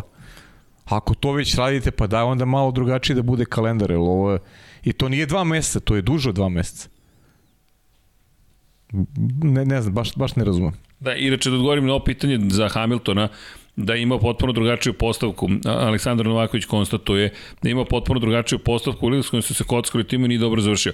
Lewis Hamilton, ponović, to smo već da. pričali, ali možda niste bili tu, je rekao u razgovoru sa Natalie Pinkom u direktnom prenosu pre početka trke, ja sam izabrao podešavanja koje su mi pomoglo u treningu broj 3, ali smo nastavili tim putem i to nije bilo dovoljno dobro. Hamilton nije pobegao od svoje odgovornosti i rekao je u ovom bolidu ja ne mogu bolje od ovoga, ja sam dao sve od sebe, ali nije rekao neko drugi kriv za ta podešavanja. Tako. Ja sam izabrao ta podešavanja. Tako da je to kritika, oni su tim i svi zajedno nastupaju u svemu ovome. Ništa to nije, nije strašno kritikovati nekoga kada zasluži kritiku, kao što je nije strašno hvaliti nekoga kada zasluži pohvalu. I to je to. Tako da je prosto jednostavno i ono što je meni tu pozitivno. Nema, nema to veze sa, ne znam, navijačkim strastima, sa Kak? simpatijama prema neku, nego prosto prema nekim realnim zaslugama ljudi. A, to je, ali to meni, je to. znaš šta je tu super? Kao što su se u Mercedesu borili da dođu do nekog nivoa na kojem su bili. Mislim da ovo pokazuje koliko je bilo teško ostati na tom nivou. Pa Jednostavno, naravno. podrazumevalo se da je Mercedes brzi, jer to nije tako Čekaj, lako. Sređe, ali da li je realno da neka ekipa bude Osam dominantna? puta za red, za prosek godine nestvarno. Najbolji tim svih Ljudi, vremena. U, u bilo kom sportu to nije dobro. Realno, nije dobro da neko, da, da ista ekipa dominira toliko dugo. Prošle godine smo dobili jedan, jedan savršen balans e, koji je dao Red Bull, Max Verstappen koji je svrgao šampiona, momak je uradio neverovatnu stvar, pobedio je sedmostrukog šampiona. Najuspešnijih svih vremena. Neverovatnu stvar je napravio. I onda dolazimo ove godine gde, gde je Ferrari gde je Ferrari moćen, gde je Ferrari može. Pa čekajte, gde ćemo bolje od toga? pa ne, još pa samo da se uključi nije bitno za koga navijamo. I... Popuno je nebitno za koga navijamo, šta smo pričali, da smo pogodili s prognozama ili nismo. Ne, bitno je, bitno da imamo lepe trke, da mi uživamo u ome što volimo. To, to je suština. Pa to je poenta valjda cele priče. Zapravo poenta cele priče. I evo samo kratko da odgovorimo, uh, da li očekujemo manje agresivnog maksa jer ima 7 kaznenih poena, prvi mu se brišu tek 12. septembra. Da, odlično pitanje. Damire, jeste. Dakle, odlično pitanje, ali ali ne znamo, ne možemo da zavirimo u glavu Maxa Verstappena. Ja nisam siguran nisam... da ga neće povući ukoliko tako uđe u ovakve duele je. Ne, u stvari siguran sam. Povući će ga borba sigurno. Povući će ga 100%. Da. E sad samo je pitanje da li će to, inače, i što Amir kaže, od 20. novembra prošle godine dobio 5 poena. Jeste, ali je bila završnica sezone kakva je bila. E sad, i ono što smo videli u ovoj trci, neće posustajati. Ja sam se prvi pitao da li će biti manje agresivni pa da. u Red Bullu. Ne, nisu bili. Ma... Bukvalno nisu bili. Tako da, mi očekujemo agresivno, podjednako agresivnog. Inače, Nikola Niksi, kako se čini valstvo Jack Duan protiv Denisa Haugera i od koga očekujemo više ove godine. Ja, ja iskreno, da, i, ću iskren, skroz ja očekujem više Denisa Haugera. Da, stabilnije. Više očekujemo njega, ali, ali bih volao iz tih upravo nekih romantičnih razloga je da i Jack napravi dobru karijeru.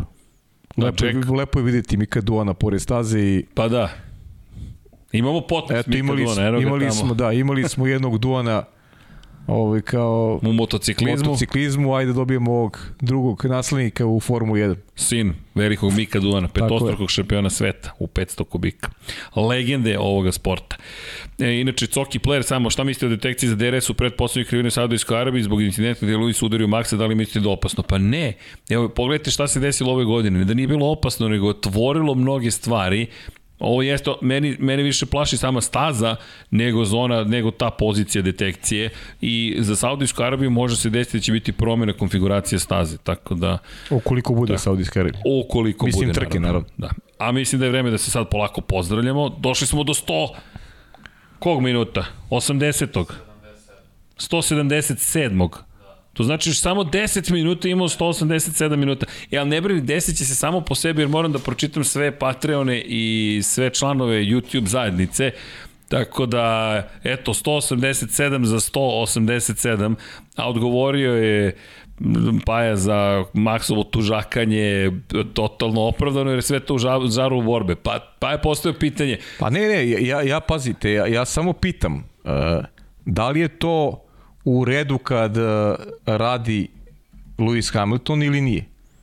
I za navijače Maxa Verstappena, da li je to u redu kad radi Max Verstappen ili nije? Dakle, samo pitam onako navijače da se da se oglase, da se oglase tim pitanjem.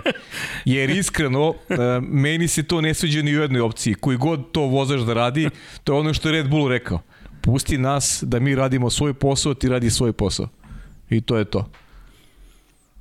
Eto, ok, da, da ne otvaram dalje, ajde da stanem negde, ali da pročitamo i da se zahvalimo svima koji su članovi naše male zajednice, dakle, što na YouTube-u, što, ba nije to, vi ste članovi zajednice čim gledate ovaj video, tako da je sve okej, ali ima ta ekipa koja je uskočila i u pomoć, a to je patreon.com kroz Infinity Lighthouse i ljudi koji su članovi na YouTube-u Nikola Niksi, Branko Rašević, Petar Nujić, Nemanja Bračko, Emir Dugić, Kosta Bjerić, Aleks Vulović, Nikor 24, Nikola Grđan, Miloš Stanimirović, Vukašin Felbov, Igor Ilić, Voče Pero, Marko Stojković, Bakadu, Bojan Gitarić, Ivan Magdanović, Ivan Vojsinović, Resničanin, Tatjana Limajć, Veselin Vukičević, Stojan Sabo, Mladen Dukić, Marko Bogovac, Branislav Dević, Vukašin Vučević, Almedin Ahmetović, Nemanja Labović, Aleksandar Kockar, Miloš Z, LFC, Nikola Kojić, Nemanja Miloradović, Zvonimir Papić, Ivan Božanić, Marina, Vlada Ivanović, Oliver Nikola Nikolić, Andrija Todorović, Jelena Jeremić, Kalabi Jao, Aleksandar Nikolić, jedna anonimna osoba, Petar Bjelić, Mirol Dreljić, Nemanja, Bojan Markov, Danilo Petrović. Imam osjećaj da nam je nestao Herfer, i još neko nam je nestao koja kompanija, ali mi vas pozdravljamo svakako i volimo i nadamo se da uspešno širimo ljubav dalje. A kada je reč o Patreonima, to je sve po... Kako da pogledam Slack, ima još pitanja nekih? Nema pitanja. Dakle, no, zanimljivo. E, da li, e, do, dobro, da li, Andrej nam se uključi. Andrej, da li ja smem da ispričam ovo što smo sad dobili od informacija? E, dakle, čekaj sad, hteo ti Vanja ili ne, Andrej se javlja. Da li smem da... Nemamo... Dobro. Da, a Patreon dok mi Andrej odgovori. Bravo, bravo Vanja. Va, vidi Vanja, organizator. Pa, Opa. Pa jo, ili imaš naočare pa da je, čet, na, na smenu? Ostale mi na, džepu, na klaviru, da, na klaviru. Dok, dok sam vežbao. Kod pijanina, je, je li Petrofov pijanino? Pa ti znaš da ja samo najbolje. Imam laku ruku i ne mogu da sviram na... da, li sa tri pedale ili dve? Dalje, sad moderna reći, formula. Reći ti kasnije. Čitaj Patreon. Čitaj Patreon je. Dakle, Sava, Toni Ruščić, Mario Vidović, Ivan Toškov, Stefan Dulić, Marko Bogovac, Ozir Prpić, Marko Mostarac, Nikola Grujičić, 13 tajnih pokrovitelja, Aleksa Vuča, Zoltan Mizej, Zoran Šalamo, Miloš Banduka, Laslo Bor, Đorđe Radović, Ivan Simonić, Mihajlo Krgović, Zatim, U, čekaj, gde sam stao? Nena Divić, Nikola Božinović, Monika Erceg, Omer Kovačević, Filip Banovački, Miroslav Vučinić, Predrag Simić, Žorž, Stefan Vidić, Mlađan Antić, Jana Mak, Mladen Krstić, Marko Ćurčić, Milan Nešković, Ivan Maksimović, Bojan Mijatović, Petar Rović, Stefan Prijević, Nenad Simić, Uh, istoče mi muzika. Luka Savović, Andri Božo, Boris Gvozden, Boris Golubar, Zorana Vidić, Luka Maritašević, Ljubo Đurović, Borko Božunović, Đorđe Andrić, Aleksandar Gošić, Mirina Živković, Nemanja Miloradović, Miloš Vuletić, Vukašin Vučerović, Ognjen Marinković, Miroslav Cvetić, Marina Mihajlović, Vesjak Vukićević, Jelena Jeremić, Antonio Novak, Stefan Milošević, Jelena Nikola Stojanović, Jasenko Samarđić, Mihovil Stamičar, Stefan Deljković, Zoran Majdov, Josip Kovačić, Lazar Pević, Benjamin A, Nemanja Jeremić da žena ne sazna, Boris Kujundžić, Tijena Vidanović, Stefan Ličin, Aleksandar Antonović, Dejan Vujović.